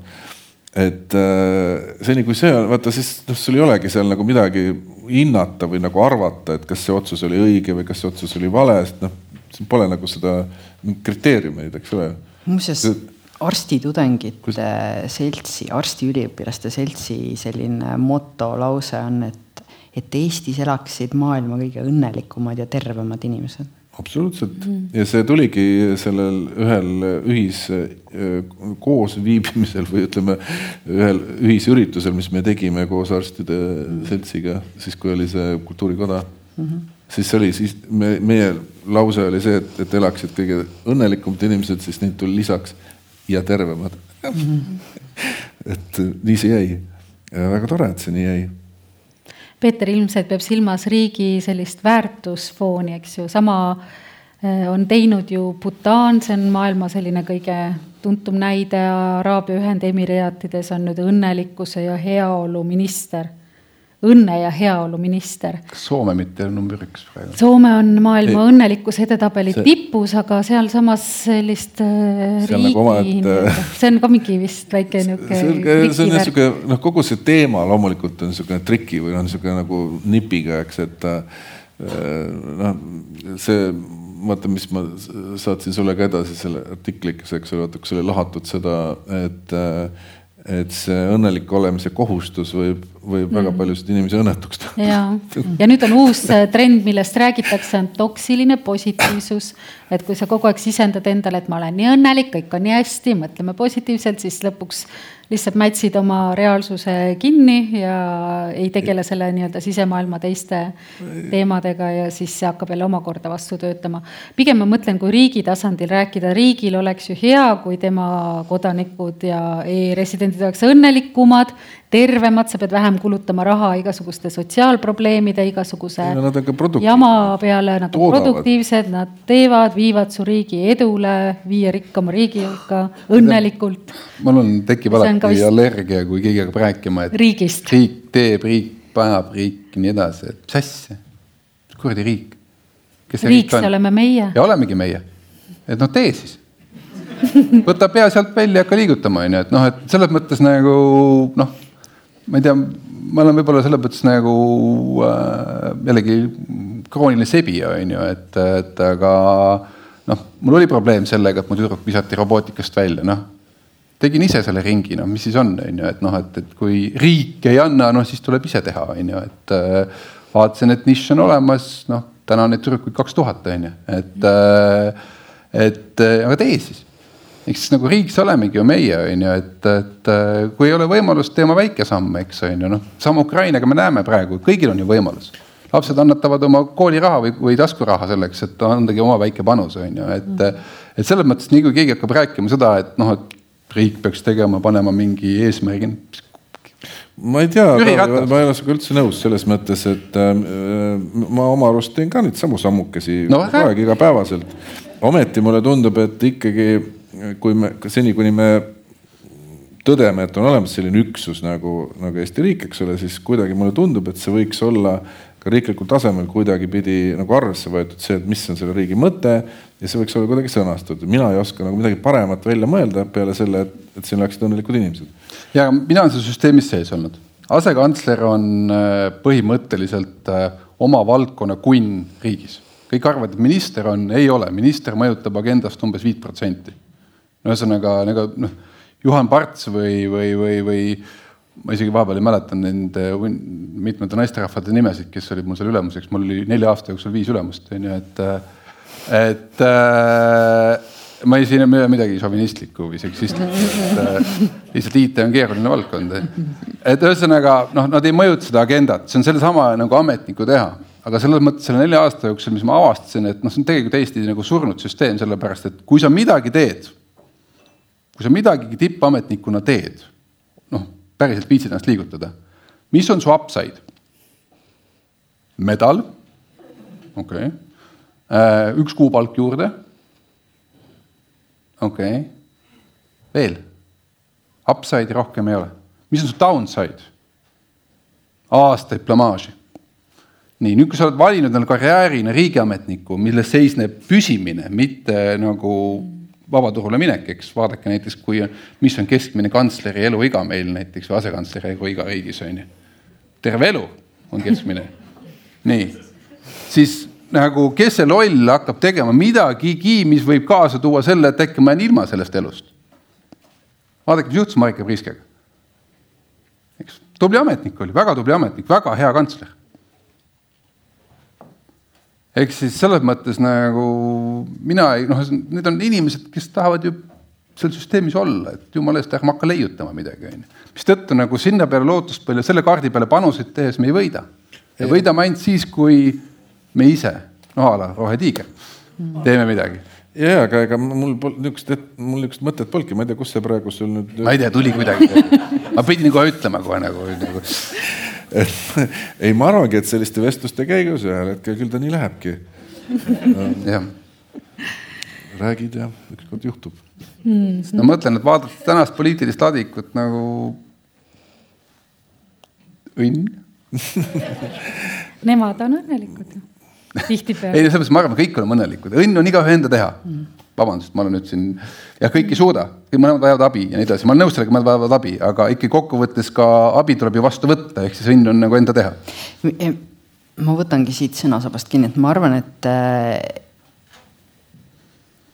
jah, vajavad abi, aga tingimata äh, see ei ole ka nagu see ei ole ainult abi, ma võib-olla, ma tahtsin rääkida, Ingridile ma juba rääkisin ühest raamistikust, mis äh, on midagi, mis on niimoodi operatsionaliseeritav eh, riigi tasandil, ähm, äh, mille nimi on äh, inglise keeles inner development goals ehk seesmise arengu eesmärgid, ma ei tea, kas keegi on kokku puutunud sellega, selle raamistikuga, aga et äh, mingi Rootsis on grupp selliseid just selle vaimse tervise ja täiskasvanu arengu peale mõtlevaid selliseid äh, aktiviste, teoreetikuid, filantroope, ähm, kes kuidagi on, on võtnud oma südameasjaks. Äh, nad vaatasid, äh, tegelikult vaatasid neid sustainable development goal, kuidas on eesti keeles? jätkusuutlik ja vaatasid neid jätkusuutlikkuse eesmärke ja, ja vaatasid nagu neid andmeid selle kohta, et noh, et kui kiiresti siis nendega edasi liigutakse ja kuidagi neile tundus väga väga loogiline, et mingid tükid sealt on lihtsalt puudu, et noh, et küsimus ei ole ainult nendes tehnilistes asjades, mida seal üritatakse lahendada ja arendada, vaid tegelikult just äh, kultuurilised ja see, kuidas me oma, omavahel siis suhestume ähm,. kuidas me mingeid asju teeme, millistel alustel me disainime nagu elu enda ümber. ja nemad äh, siis, neil kuidagi tundus, et tegelikult äh, ongi need äh, sellised äh, äh, nii-öelda seesmised oskused äh,, mis puudutavad, et kuidas me iseendaga läbi saame, mis puudutavad seda, kuidas me teistega läbi saame ähm,. mis puudutavad nagu sellist äh, noh, aktiivsust ja, ja, ja asjade ärategemise võimekust, et et, et sellist tüüpi seesmised oskused on midagi, mis vajavad arendamist ja siis nad äh, tegid mingisuguse küsitluse umbes tuhande sellise nagu mingite suurfirmade juhtide, aga ka näiteks täiskasvanu arengu igasuguste teoreetikute hulgas.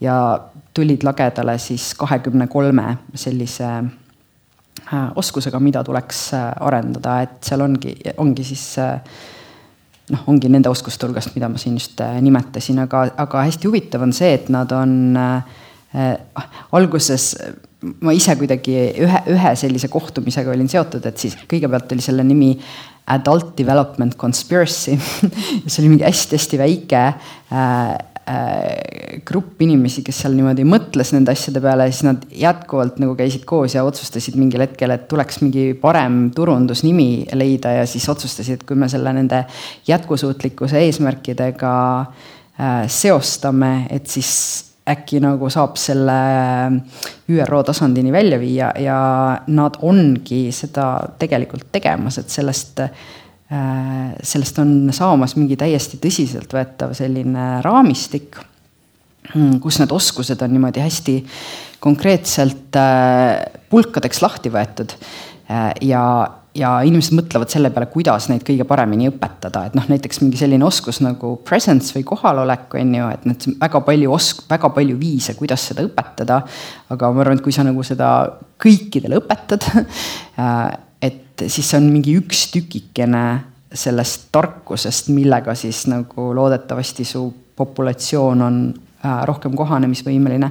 ja ma tahan vähemalt äh,, vähemalt ühe riigiga äh,, Costa Ricaga, neil on olnud ka võimalik teha selline riigi tasandil koostöölepe, et Costa Rica riik ongi öelnud, et äh, davai võtame selle inner development goals endale nagu nüüd selliseks äh, suund, suunda näitavaks äh, raamistikuks ja, ja proovime selle raamistiku sees mingeid väga konkreetseid eesmärke nagu paika panna.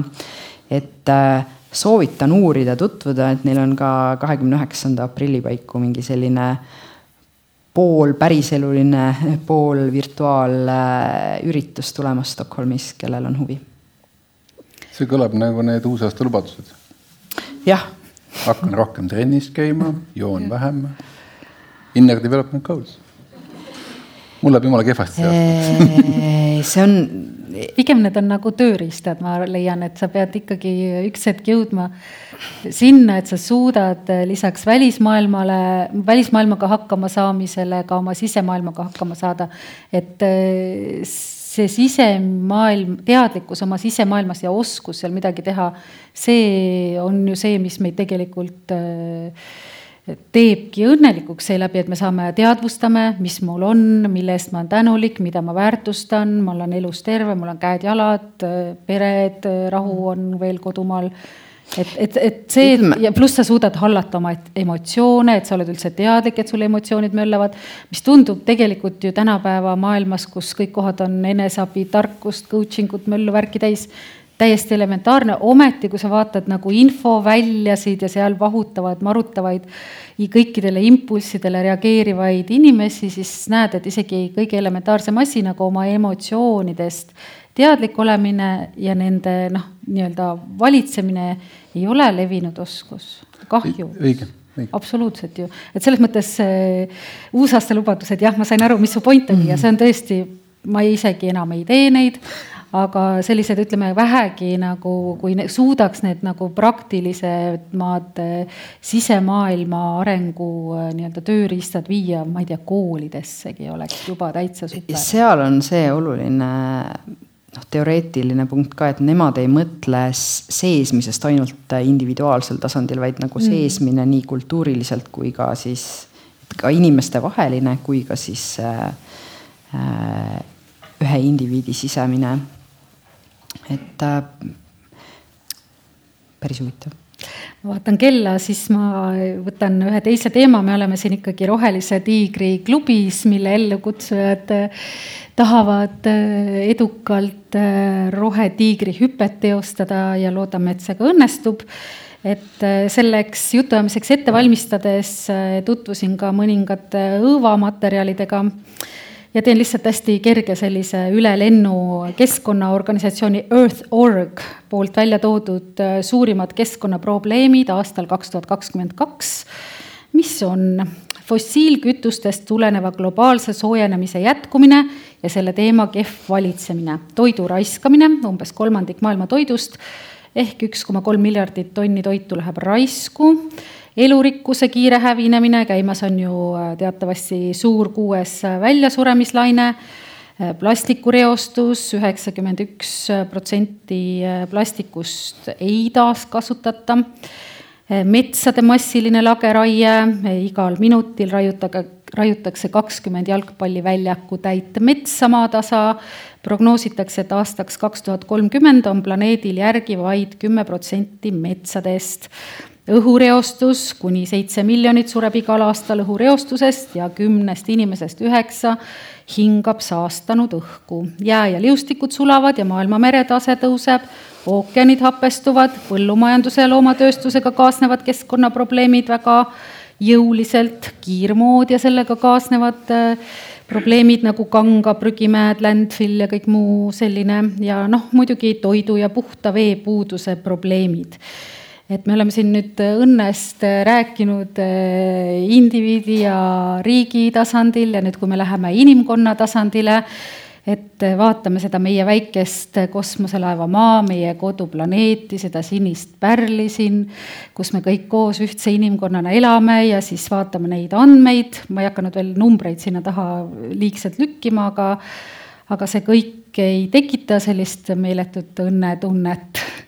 et kuidas me siis selles keskkonnas, mis juba täna on nagu väga mitte hea ja vaimustav, ehkki meil siin Eestis Vanajumala selja taga on kõik nii hästi, välja arvatud metsade lageraied et kuidas siis äh, selles, äh, selles valguses, et keskkond meie ümber, meie kodu, me oleme veel biolo-, veel bioloogilised olendid ja isegi kui me oleme enamus aja metaversumis, siis meie organismid vajavad õhku, vett ja toitu ja, ja loodust, et, et kuidas me siis äh, nüüd inimkonnana sellest õnnest siis selle pildi raames räägime, et ma, ma alati maadlen sellega, et kui ma sellist infot vaatan, et nagu ma ei, ma ei oska õnnelik olla sel hetkel, kui ma teadvustan endale, mis on olukord planeedil. ehkki ma olen tänulik, et mul on kõik hästi ja, ja nii edasi, aga, aga ma ei tea, mis te siis arvate? no selles mõttes, ma ei, kes tahtski enne rääkida? räägi, räägi. mina selles mõttes olen muidugi äh, tohutult keskkonnavaenulik inimene, sest mul on neli last ja teatavasti ükski lennureisimine ega mingi muu asi ei, ei mõju äh, keskkonnale nii halvasti kui ühe uue lapse tegemine, on ju. mitte protsess ise, vaid see tulemus sealt, on ju, et äh, et selles mõttes äh, ma olen juba oma kahju maailmale ära teinud. aga noh, jällegi noh, kui mida rohkem me viibime virtuaalmaailmas, seda rohkem me tegeleme näiteks transpordiga kui me oleme virtuaalmaailmades ja transport noh, selles mõttes lülitub välja, siis väga suur hulk vajadus nagu äh, noh, a la füüsilise inimkeha liigutamiseks, seda ei ole. jah, sooja kütet kõike on vaja, computing power'it on ka vaja, aga seda on vähem vaja kui äh, inimeste transportimiseks. Äh, kaob vajadus ära äh, füüsilise maailma riiete järgi, sest keegi ei näe sind äh, Microsoft tegi juba aastal kaks tuhat, mis on juba nüüd siis kaksteist aastat tagasi, sada viiskümmend miljonit virtuaalriiete müügist. Mis oli Xbox, Xbox'i avatari äh, riietuseks äh,. Fortnite tegi mängusisese kama müügis ja see on niisugune kama, mis ei tee sind paremaks, sa ei saa nagu noh, ma kõvemat mõõka või, või, või paremat turvist on ju, lihtsalt noh, ägedam on ju. et äh, sellest tegi kaks miljardit. et äh, ja see kokkuvõte, see ei olnud null plastikut merre, eks, null nii, ainuke, mis on, on need serverid, mis huugavad, aga kokkuvõttes see kõik on väiksem kui inimese liigutamine punktist A punkti B. ehk siis selles mõttes nagu jällegi tehnoloogia arenguga, mida rohkem see virtuaalmaailm muutub päris maailma sarnaseks, seda vähem me vajame tegelikult seda, mida, mida me välismaailmas eksponeerime, noh a la Gucci-Mucci on ju, millised me ise välja näeme, see pole tähtis. täna olen nelikümmend aastat noorem, viiskümmend aastat vanem olen homme hobune, täna olen kana, on ju, et noh, et selles mõttes nagu see ei noh, ja see kõik ei vaja nagu midagi füüsilist. ja selles mõttes nagu, kui me nagu selles võtmes mõtleme, jah, see tundub kõik nagu õudselt ohtlik ja, ja ennustamatu, sest me ei ole seda kogenud, eks, või oleme seda kogenud ainult osaliselt. või oleme seda kogenud väga head raamatut lugedes oma peas ette kujutades, sest sel hetkel, kui me raamatut loeme, me tegelikult ju ei tooda plastikut ega tarbi, on ju, ja me ei tee ennast ilusamaks ja me ei muki ennast ja nii edasi, on ju. me oleme raamatuga, me oleme virtuaalmaailmas see on sama emotsioon. ainult see mets. mis selle metsaga on? mis, mis läheb sellesse paberi tootmisesse? jaa, see raamat muidugi jah, et selles mõttes nagu õige, et ärge raamatut lugege, lugege virtuaalraamatut. no meil oli, meil oli siin isegi täpselt sellest samast maailmast ju ka üks teos, mis kandis pealkirja Jäik, kus, kus täpselt nii elatigi, et seal küll oli see, et see sinu poolt kirjeldatud täna hobune, homme kana, need, need armusid teineteisesse ehk siis ja sellest tuli siis. mis on kihvt või? Uus elu. et noh, nagu päriselus see oleks nagu mõeldav, aga maailmas, kus füüsika ja muud reeglid ei kehti, kus nad saavad uuesti defineerida. kujuta ette, hobukana. lendavad. ei no nad ei olnud. lend-, okei, no see on ju üks. Nad ei olnud sõna otseses mõttes aga sinna suunda.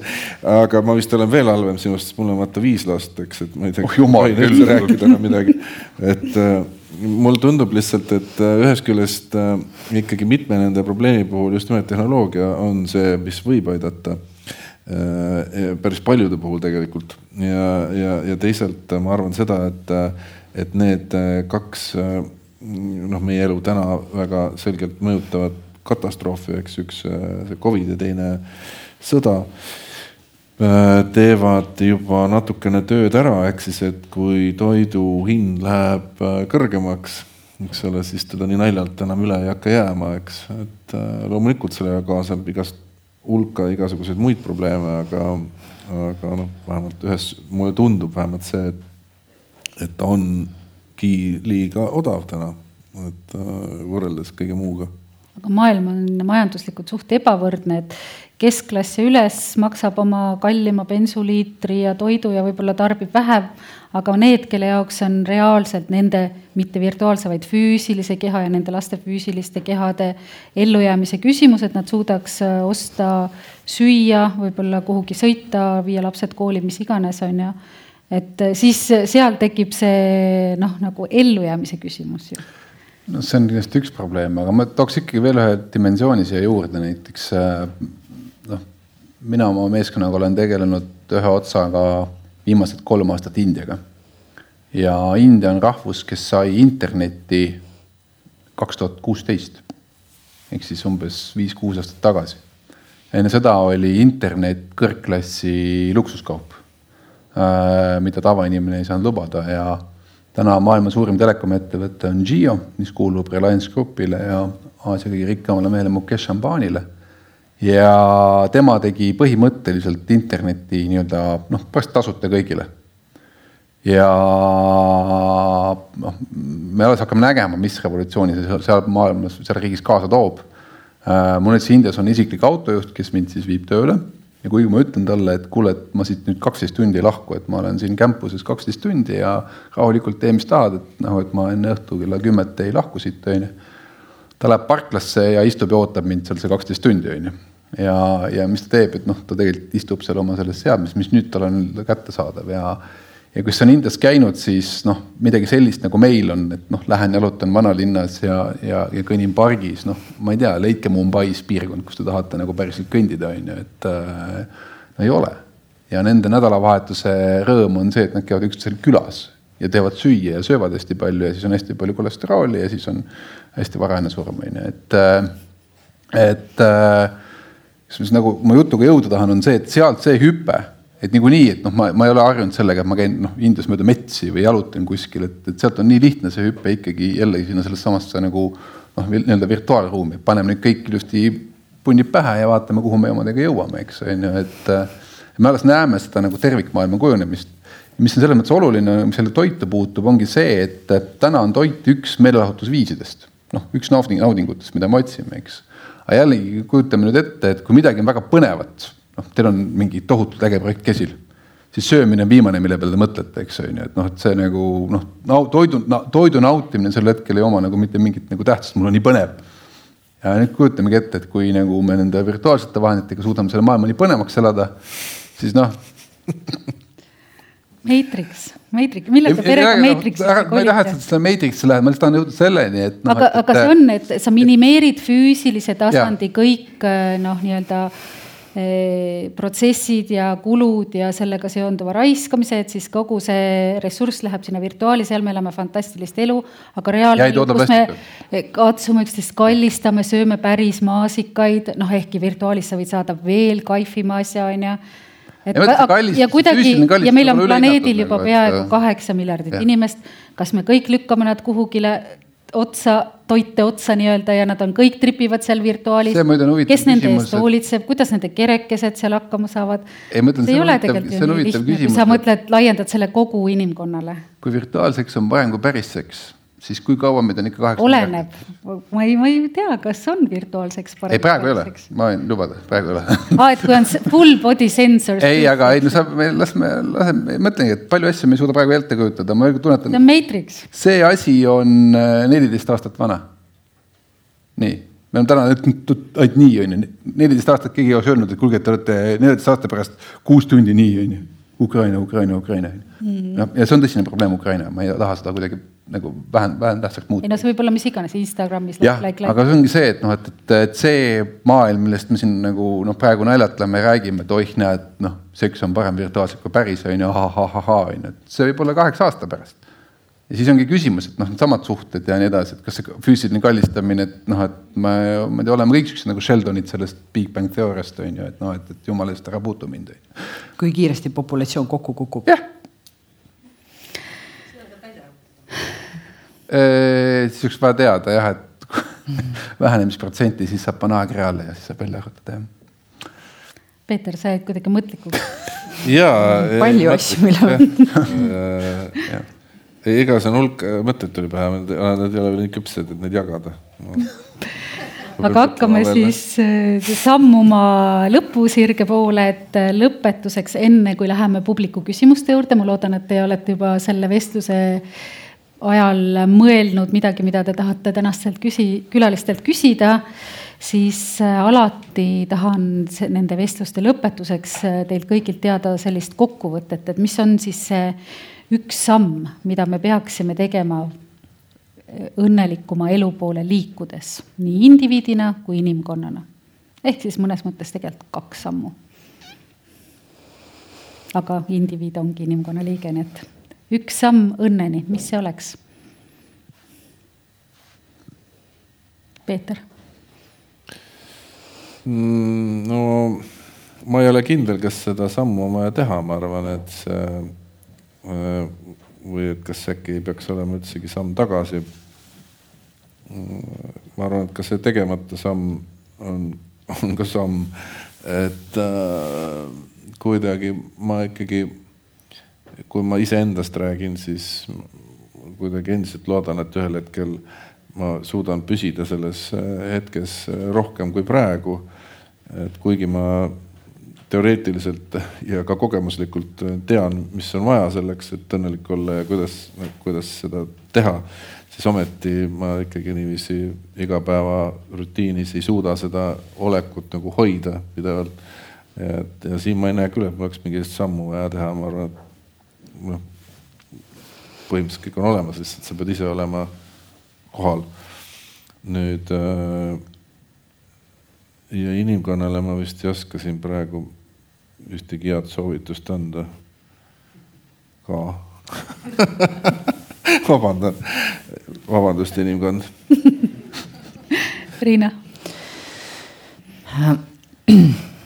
Ma ütlen, et kakskümmend kolm sammu muidugi oleks tegelge on ju seesmise transformatsiooni praktikatega, aga kui see, kui ühele sammule mõelda. et siis ma arvan, et need praktikad, mis aitavad meil meie surelikkusele, meie surelikkust nagu aktsepteerida. et ma arvan, et see on hästi sügav, et mul eelmise aasta üks sügavamaid kogemusi oli see, kui mu üks sõber sai esimesel aprillil mingi neljanda astme kopsuvähi diagnoosi. Ja talle öeldi, et noh, sul on umbes kuus kuud elada ja siis umbes septembris oligi selge, et noh, ikkagi asjad lähevad nagu allamäge. ja siis ta otsustas, et ta teeb Zoom'i kaudu kõikidele oma sõpradele iga laupäev sellise update'i ja räägime siis asjadest ja face ime koos nagu vaatame koos otsa sellele. mitte ainult sellele, et noh, tema hakkab kohe surema, aga kõikidele nendele hulludele keskkonnaohtudele, millele sa siin viitasid ja ütleme, et okei okay,, et noh, tegelikult me peame võib-olla lihtsalt aktsepteerima, et me liigume kollektiivselt ja ka üksikisikutena üksikisikuna kindlasti, aga potentsiaalselt ka kollektiivina surmale lähemale ja lihtsalt oleme korra selle tundega. ja siis me saime laupäeviti kokku äh, kakskümmend viis september ja siis iga nädal, kuni ta siis kolmekümne esimesel oktoobril surigi ära, täpselt nii nagu lubati. Äh, ja siis noh, me olime nagu need neli viimast nädalat seal arutanud ja mõelnud, et ja tundnud koos, et mis tunne siis on. Ähm, ja ma pean ütlema, et see oli küll, äh, tegi ikkagi jälle nagu väga õnnelikuks ja tänulikuks kõige selle üle, mis veel on. Äh, et noh, ma saan ikka veel metsas käia, on ju, ehkki neid on ainult kümme protsenti varsti järgi. Äh, ma sain, sellel talvel ikka veel nägin jääd ja lund, ehkki ma olin juba mingil hetkel kirjutanud ka artikli selle kohta, et varsti Eestis ei tulegi lund, eks, et mingid sellised asjad ikka veel saab sooja duši, ehkki Ukrainas nagu enam juba ei saa. Äh, ja et nagu surm tuleb täiesti kindlalt nagu kõigil meil. ja kui sa selle peale nagu mõtled ja sellega istud, siis ma arvan, see võib olla see üks samm, mis tänase teeb väga palju paremaks, sest see veel ei ole see. Taavi hakkasin mõtlema selle peale, et surm tuleb niikuinii okay. väidavad, et see inimene, kes elab vähemalt saja viiekümne või kahesaja aastaseks, see inimene on juba sündinud. et noh, kas ta siis tuleb? no ta tuleb kahesaja aasta pärast siis. no võib-olla küll jah, siis muidugi seal üks, üks väärides Moskvas võib juba homme selle muidugi kõik ära lõpetada meile on ju, et paar tuumanupukest ja, ja selles mõttes peaks tänulik olema, et, et ikkagi püsib veel, et äh, aga ei, mina tulen ikka algse definitsiooni juurde tagasi, et äh, see ruum, mis sa iseendale defineerid, et see ruum peab kuidagi paigas olema, et äh, ei saa loota nagu võimatut, ei saa üle oma varju hüpata ja ja, ja seetõttu nagu äh, tulebki olla selles ruumis või noh, leida see õnn sellest ruumist, mis on, mis on sinu nii-öelda käeulatuses ja mis on su enda poolt muudetav, kasvõi läbi selle, et sa võtad mingi abi vastu näiteks on ju, et, äh, et et äh, ei ole mõtet loota või unistada päris võimatust maailmast, on ju, kuidas maailmas on rahu ja kõik on ilus ja plastikut enam ei ole ja nii edasi, et, äh, et sellega tuleb kuidagi mingi rahu teha. et siis on äh, võimalik õnnelik saada selles ruumis mm., milles sa iseenesest oled nagu defineerinud ma, ma vist mõtlesin veel et kui see on nagu, kui see võib olla ka mingi abstraktsiooni suunas, et siis äh, see sammukene kindlasti peaks olema alandlikkuse poole et äh, ja kui nüüd mõelda niiviisi, et äh, noh, vot me oleme rääkinud siin nagu, et mis meid ees ootab ja nii, et äh, see justkui mm, noh, võtab võimaluse täna õnnelik olla, eks ole, et justkui, kuidas sa saad olla õnnelik, kui sa tead, et ma ei tea, ühel hetkel on ainult kümme protsenti metsa või mis iganes katastroofi sa ette kujutad või mingis, mis õudusi sa endale ette manad et äh, see on vist niiviisi paraku, et, et kui sa mõtled tulevikust ja kui sa mõtled enda tulevikust, siis loomulikult sõltub, kui kaugele tulevikku sa ennast ette kujutad. aga no ühel hetkel sa ikkagi kujutad ette laipa, onju. eks paratamatult, kuidas surmast oli ka jutt, eks ole, et rääkides enda tulevikust, siis nagu kui sa lähed piisavalt kaugele, eks ole, siis räägid laibast. ehk et see jällegi ei tohiks võtta võimalust sinna laivani jõudmist, elada õnnelikult ja kuidagi sellest äh, sellest hetkest nii palju rõõmu tunda, kui on võimalik. et äh, äh, tagasi tulles alustada nagu aste kõrgemalt mm. -hmm. mul on selle alatlikkusega ka mingi tunne, halb tunne. võib-olla. ei peaks olema. ei, seal on see mure, et mul on tunne, et see alandlikkus tuleb läbi mingi küpsuse, läbi mingi elutsükli, et noh, a la nõukogude lõpus äh, Äh, me ju kõik hakkasime mammonat kokku ajama, sellepärast et kellelgi ju seda veel noh, nõukaajal ei olnud ja nüüd on kõik võimalused ja uhkem auto ja uhkemad reisid ja kõik nii edasi. kuni me saavutame mingi heaolu taseme, siis me saame aru, et oih, et võib-olla ei olegi vaja kõiki metsa ära müüa ja võiks natuke alles ka jätta ja nii edasi, on ju. siis tuleb sealt aland, alandlikkus tuleb sealt nagu, nagu tagasi alla.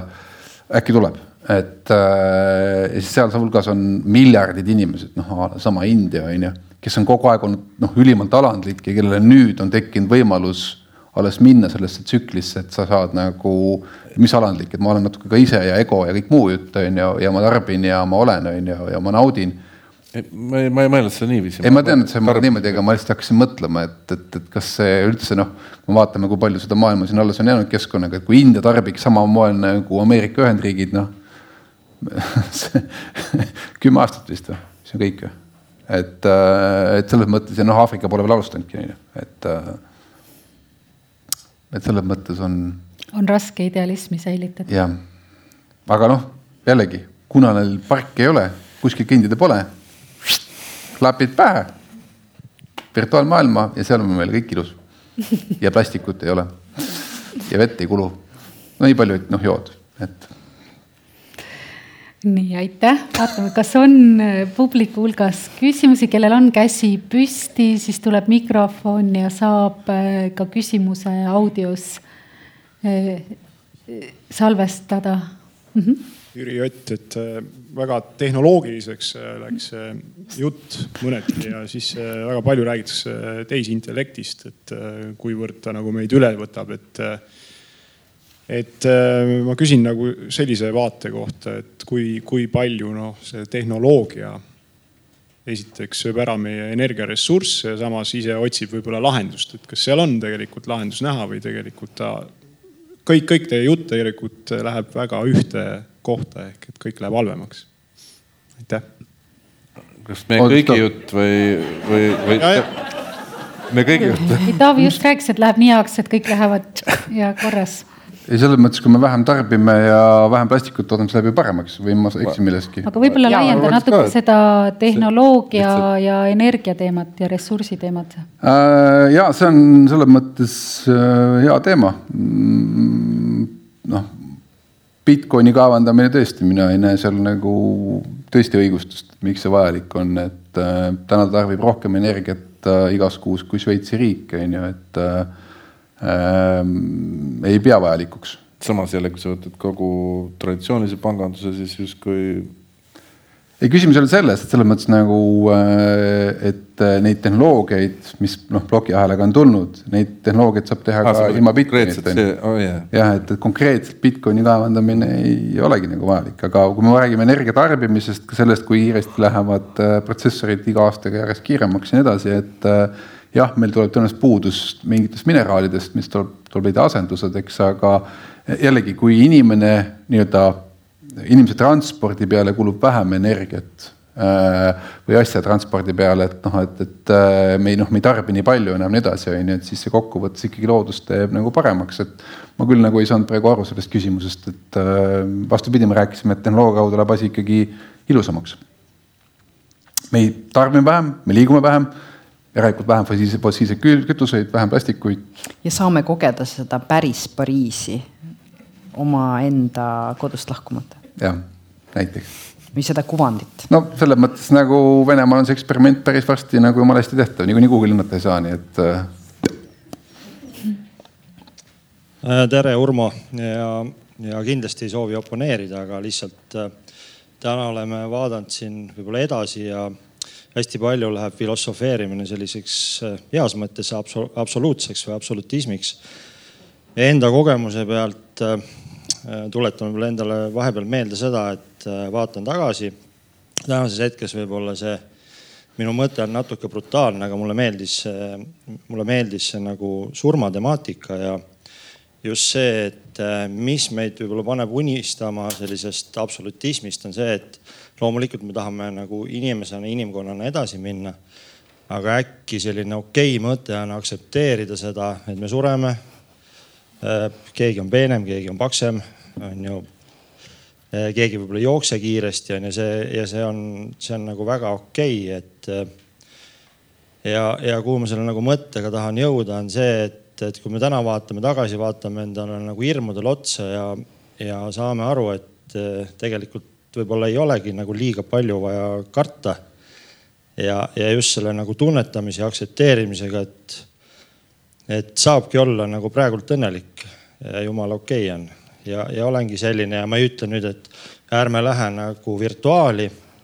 Äh, väga tervitan seda, sellist uus kogemus ja, ja, ja käime selle läbi ja, ja, ja see on elu osa, ta ei ole midagi, noh, mida universumis ei ole, et ta on, ta on ju olemas ja, ja ma arvan, et me ei peaks ka seda kartma, et, et, et nagu mõte ongi see, et vaadata tagasi ja ja mitte nii palju karta, et äkki see, see aitab edasi. Ja, ja nagu roheteemades aitab ka edasi, et, et siduda ära see minu mõte roheteemadega, siis eh, ma tahaks nagu indiviidina rohkem nagu tunnetada ja teada ja oma otsuseid nagu langetada ja vähem karta, sest kartmisest ja hirmust tekivadki sellised otsused, mis võib-olla ei ole õiged, et selline ei küsinudki väga midagi, lihtsalt nagu mõtisklesin, aitäh. aitäh, ja. ei, ega see surelikkuse teema loomulikult on äh, ka see õnne puhul hästi oluline, ma mõtlen, võiks kasvõi selle eest, seesama surelikkus tähendab ju seda, et me saame unistada. sest äh, kui me poleks surelikud, siis igavikus äh, unistusi ei ole ju. Ehk äh, surelikkus äh, annab meile võimaluse kogeda väga paljusid asju, mida, mida muidu ilmselt ei kogeks. selline väike mõttekene lisaks mulle selgelt meeldis see, et äh, ma olen üldse nõus sellega, et sa ei saa olla õnnelik, kui sa kardad. Või noh, ühesõnaga väike hirm on alati nagu tervitatav, eks, aga, aga kui sul ongi ainult hirmud, siis ei ole ju õnne, õnne, siis, siis sa ei saa olla õnnelik, eks, et äh, jah, hirmudes peab üle olema. mulle tekkis siin seos äh, ka selles, mis sa ütlesid veel paari asjaga, aga mulle tundub, et võib-olla nagu eh, me korra võime ka sellele au anda, et me siin kõik oleme juba mitu dekaadi ära elanud inimesed ja et, et võib-olla ka see, see, et on hästi palju hirme, see on ka selline üsna nagu tavaline arengu, arenguline etapp teismeiga et kus, kus su see arenguline ülesanne ongi siis oma sellest algsest nukleaarperekonnast ennast lahti rebida ja siis äh, niimoodi ajada juured sinu enda põlvkonnas ja see on väga ohtlik, keeruline, hirmutav, sest et seal, kas sa oled paks või peenike, mis riided sul seljas on, kas teised aktsepteerivad sind, kas, kas sa saad oma põlvkonnaga oma põlvkonna asju koos äh, nagu koos teha, kas sind võetakse omaks, et need on, need ei ole nagu evolutsioonilises mõttes need ei ole nagu mingid pisikesed küsimused.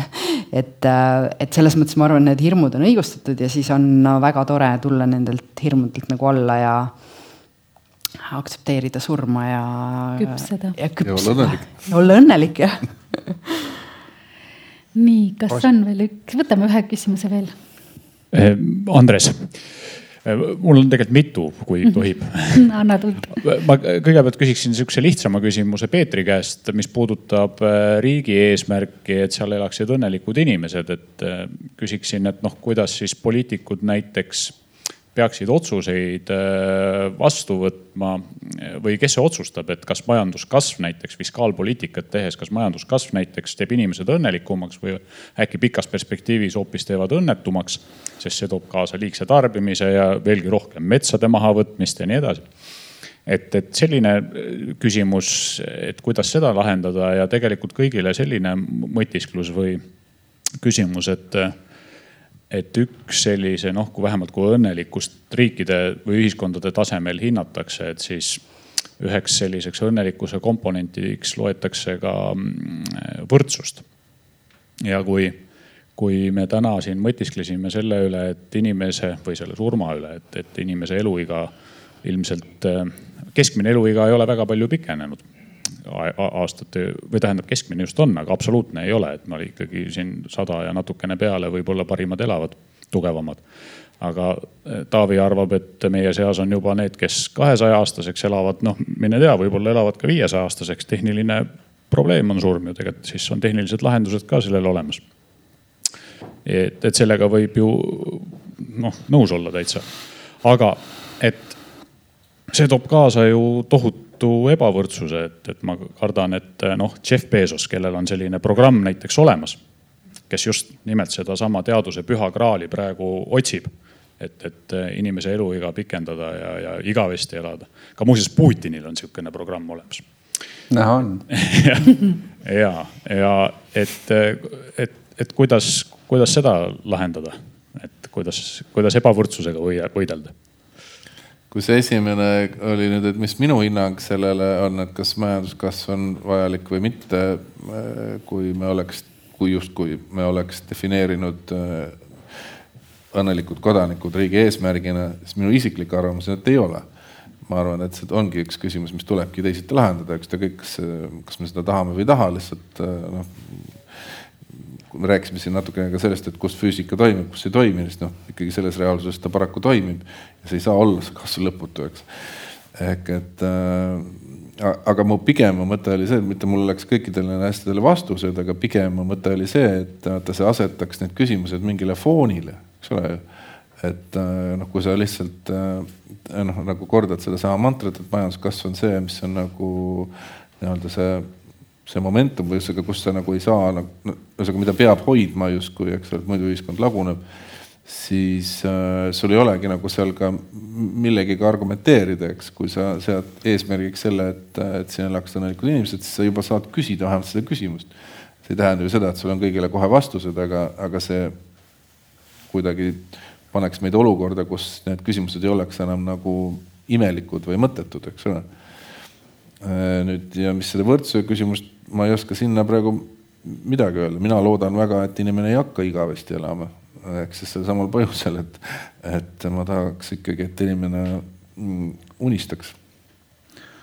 ma ei tea, mis see võrdsus on, ehk siis äh, kas, kui ühel on uhkem auto kui teisel, et kas siis on ebavõrdne, et äh, jällegi, et noh, kui meie igapäeva kahekümne neljast tunnist äh, füüsiliste asjade võrdlemine, äh, selle osakaalu osatähtsus väheneb, siis me tegelikult ju muutume võrdsemaks. noh, et nagu Fortnite'i mängus mina ja sina oleme võrdsed. sina, sa ei saa osta, sul võib olla tohutut raha, aga sa ei saa osta endale vingemat mõõka. saad ikka samasuguse kiivri kaikiga vastu pead minu käest on ju, et noh, et, et nagu, et, et selles mõttes nagu äh, kui äh, füüsilise eksponeerimise vajadus nagu väheneb, noh siis nagu nii-öelda virtuaalmaailmas me saame olla võrdsemad. teine asi on äh, see, et mis puudutab seda eluiga, seal tõesti on ebavõrdsus, et äh, noh, surm on tegelikult ju keha väsimine, eks, ja kui me suudame kehas juppe vahetada, neid taastoota nagu auto osi on ju, et siis tegelikult saab lükata seda ju väga kaugele, on ju, me suudame täna tehissüda on olemas, tehismaks on olemas, on ju, et noh, palju siin vaja on, et, et lõpuks kõik jupid on vahetatud, eks, et et ja lõpuks küsimus on ka ainult selles, et kas keha üldse on vaja, et kas on äkki vaja hoida elusant see siin, on ju, et. et aga seal on tõesti, seal on kindlasti ebavõrdsus, et need, kes on rikkamad, need tõenäoliselt elavad kauem, jah. ei no kas sedagi on vaja? võib-olla just on see vaja hoida selles ma nii kindel ei ole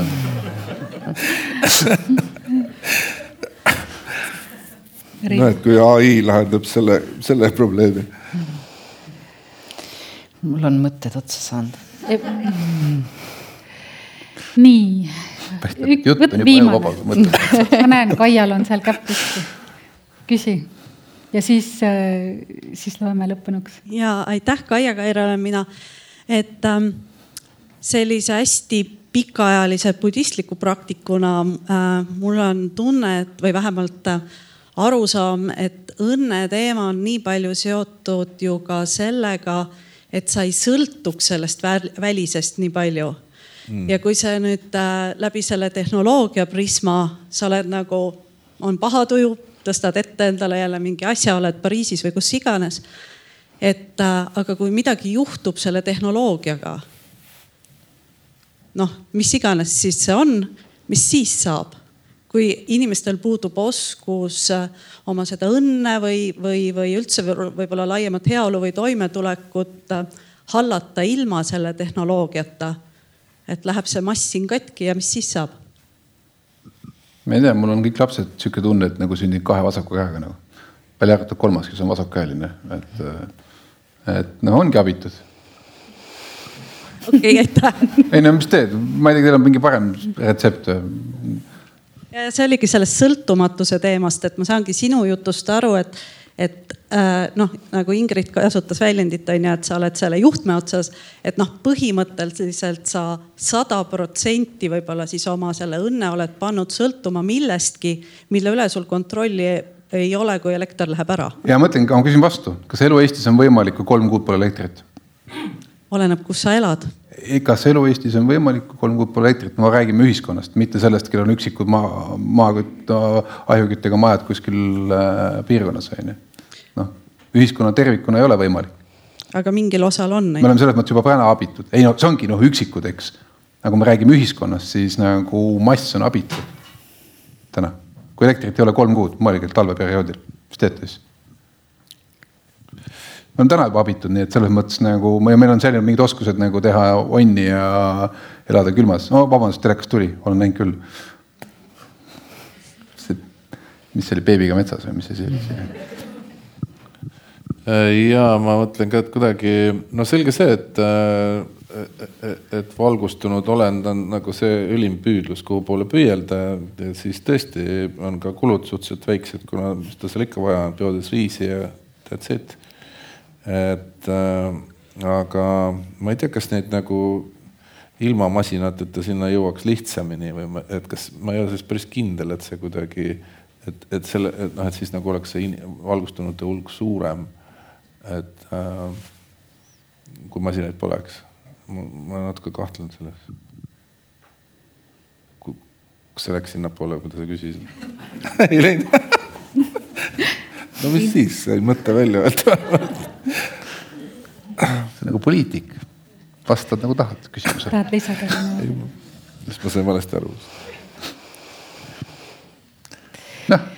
no nii. oota, oota, seal üks küsimus tahab veel. Ah, ei no kuna Toomasel on jah, et kuna mikrofon siia jõudis, et lihtsalt sama teema võib-olla lõpetuseks, et et, et ma olen kuulnud sellist legendi, et, et siis noh, ütleme siis Ameerika tehnoloogiafirmade eh, omanikud eh, panevad oma lapsed kõik Waldorf koolidesse, et kus on noh, sisuliselt pikka aega keelatud, mitte keelatud, ühesõnaga, et nad ei saa mingeid ekraane ja seadmeid kasutada, et oskate äkki kuidagi kommenteerida?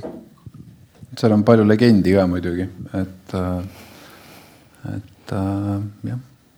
võib-olla seal on palju ettevõtjaid, et mõned panevad ja mõned ei pane. ma veel kord ütlen, ma olen see halb, kes võtab oma lastelt seadet ära, aga kui ma ei võtaks, nad oleks kogu aeg niimoodi, et äh, et äh, see on vist natuke sama fenomen nagu miks näitlejad ei taha, et tema lapsed näiteks näitlejaks õpivad või? aga miks, miskipärast õpivad ikkagi. ja pärast ikkagi õpivad aga ähm, minu kuidagi seos selle kohta on võib-olla see, et ähm,, et noh, mulle tundubki, et äh, et noh, tulevikus ilmselt on, ongi nii, et meil on väga-väga äh, kerge tarbida neid kuvandeid, mis sulle tulevad sisse kuidagi läbi äh, virtuaalreaalsuse ja väga suur osa elanikkonnast ongi need tarbijad, aga selleks, et sa ikkagi nagu oleksid nende hulgas, kes neid loovad sul on vaja neid samu emotsionaalseid ja sotsiaalseid oskusi ja seal on mingid arenguaknad, millal need saavad nagu arendatud ja need on umbes no esimene kolm, viis, viisteist aastat on üli-üliolulised, ehk siis see meeletult mõjutab nagu, mis ajal sa sõltuvusse jääd ja sellepärast, et sõltuvusel on konkreetne see opportunity cost või see nagu alternatiivi, alternatiivi hind, et kui sa nagu noh, näiteks kui sa hakkad alkoholi jooma üheteistaastaselt ja õpid vastassugupoolega suhtlema ainult alkoholi mõju all, eh, siis kui sa kolmekümne viieselt jätad joomise maha, siis sa avastad, et sa tegelikult üheteistkümnendast eluaastast kuni kolmekümne viiendani ei ole võib-olla võib-olla mitte kunagi proovinud algatada vestlust vastassugupoolega ilma alkoholita, et see on väga raske ja seal on oskused. sa oleks võinud neid õppida varem, siis kui teised õppisid ja, ja mingid asjad on nagu hiljem äh, noh, õppimatud, sa ei, sa ei tee seda vahet nagu tasa ja ma arvan, et nagu eriti pika visiooniga lapsevanemad äh, Ameerika tehnoloogid võib-olla, kes panevad oma lapsed äh, Waldorf koolidesse, nad nagu äh, Äh, kuidagi võib-olla lähevad sinna arengupsühholoogia põhiprintsiipide juurde, esmaste printsiipide juurde, proovivad nagu sellest disainida. see on see, kuidas ma nagu mõtestaks seda. tundub usutav kell on halastamatu, aitäh teile, hea publik saalis meie tänase Rohelise Tiigri klubi ja Von Krahli Akadeemia ühisüritus ehk vestlusõhtu Üks samm on äh, lõpule jõudnud. suur tänu teile, Riina Raudne, Peeter Jalakas, Taavi Kotka, aitäh äh, põneva vestluse eest. Äh, suur tänu helivalgus videoabilistele, aitäh teile ja aitäh Eeva Truuverk ja Birgit Kermes, et te sellise ettevõtmise ellu kutsusite ja väsimatult ja lootusrikkalt äh, rohetiigri hüppega tegelete, et loodetavasti see õnnestub ja, ja meie elu siin planeedil Maa jätkub õnnelikult. Eh, rohetiigri kohta uurige lähemalt eh, rohetiiger.ee ja tänan teid eh, kuulamast, osalemast, kohtume taas järgmisel korral, mil teeme juba järgmise sammu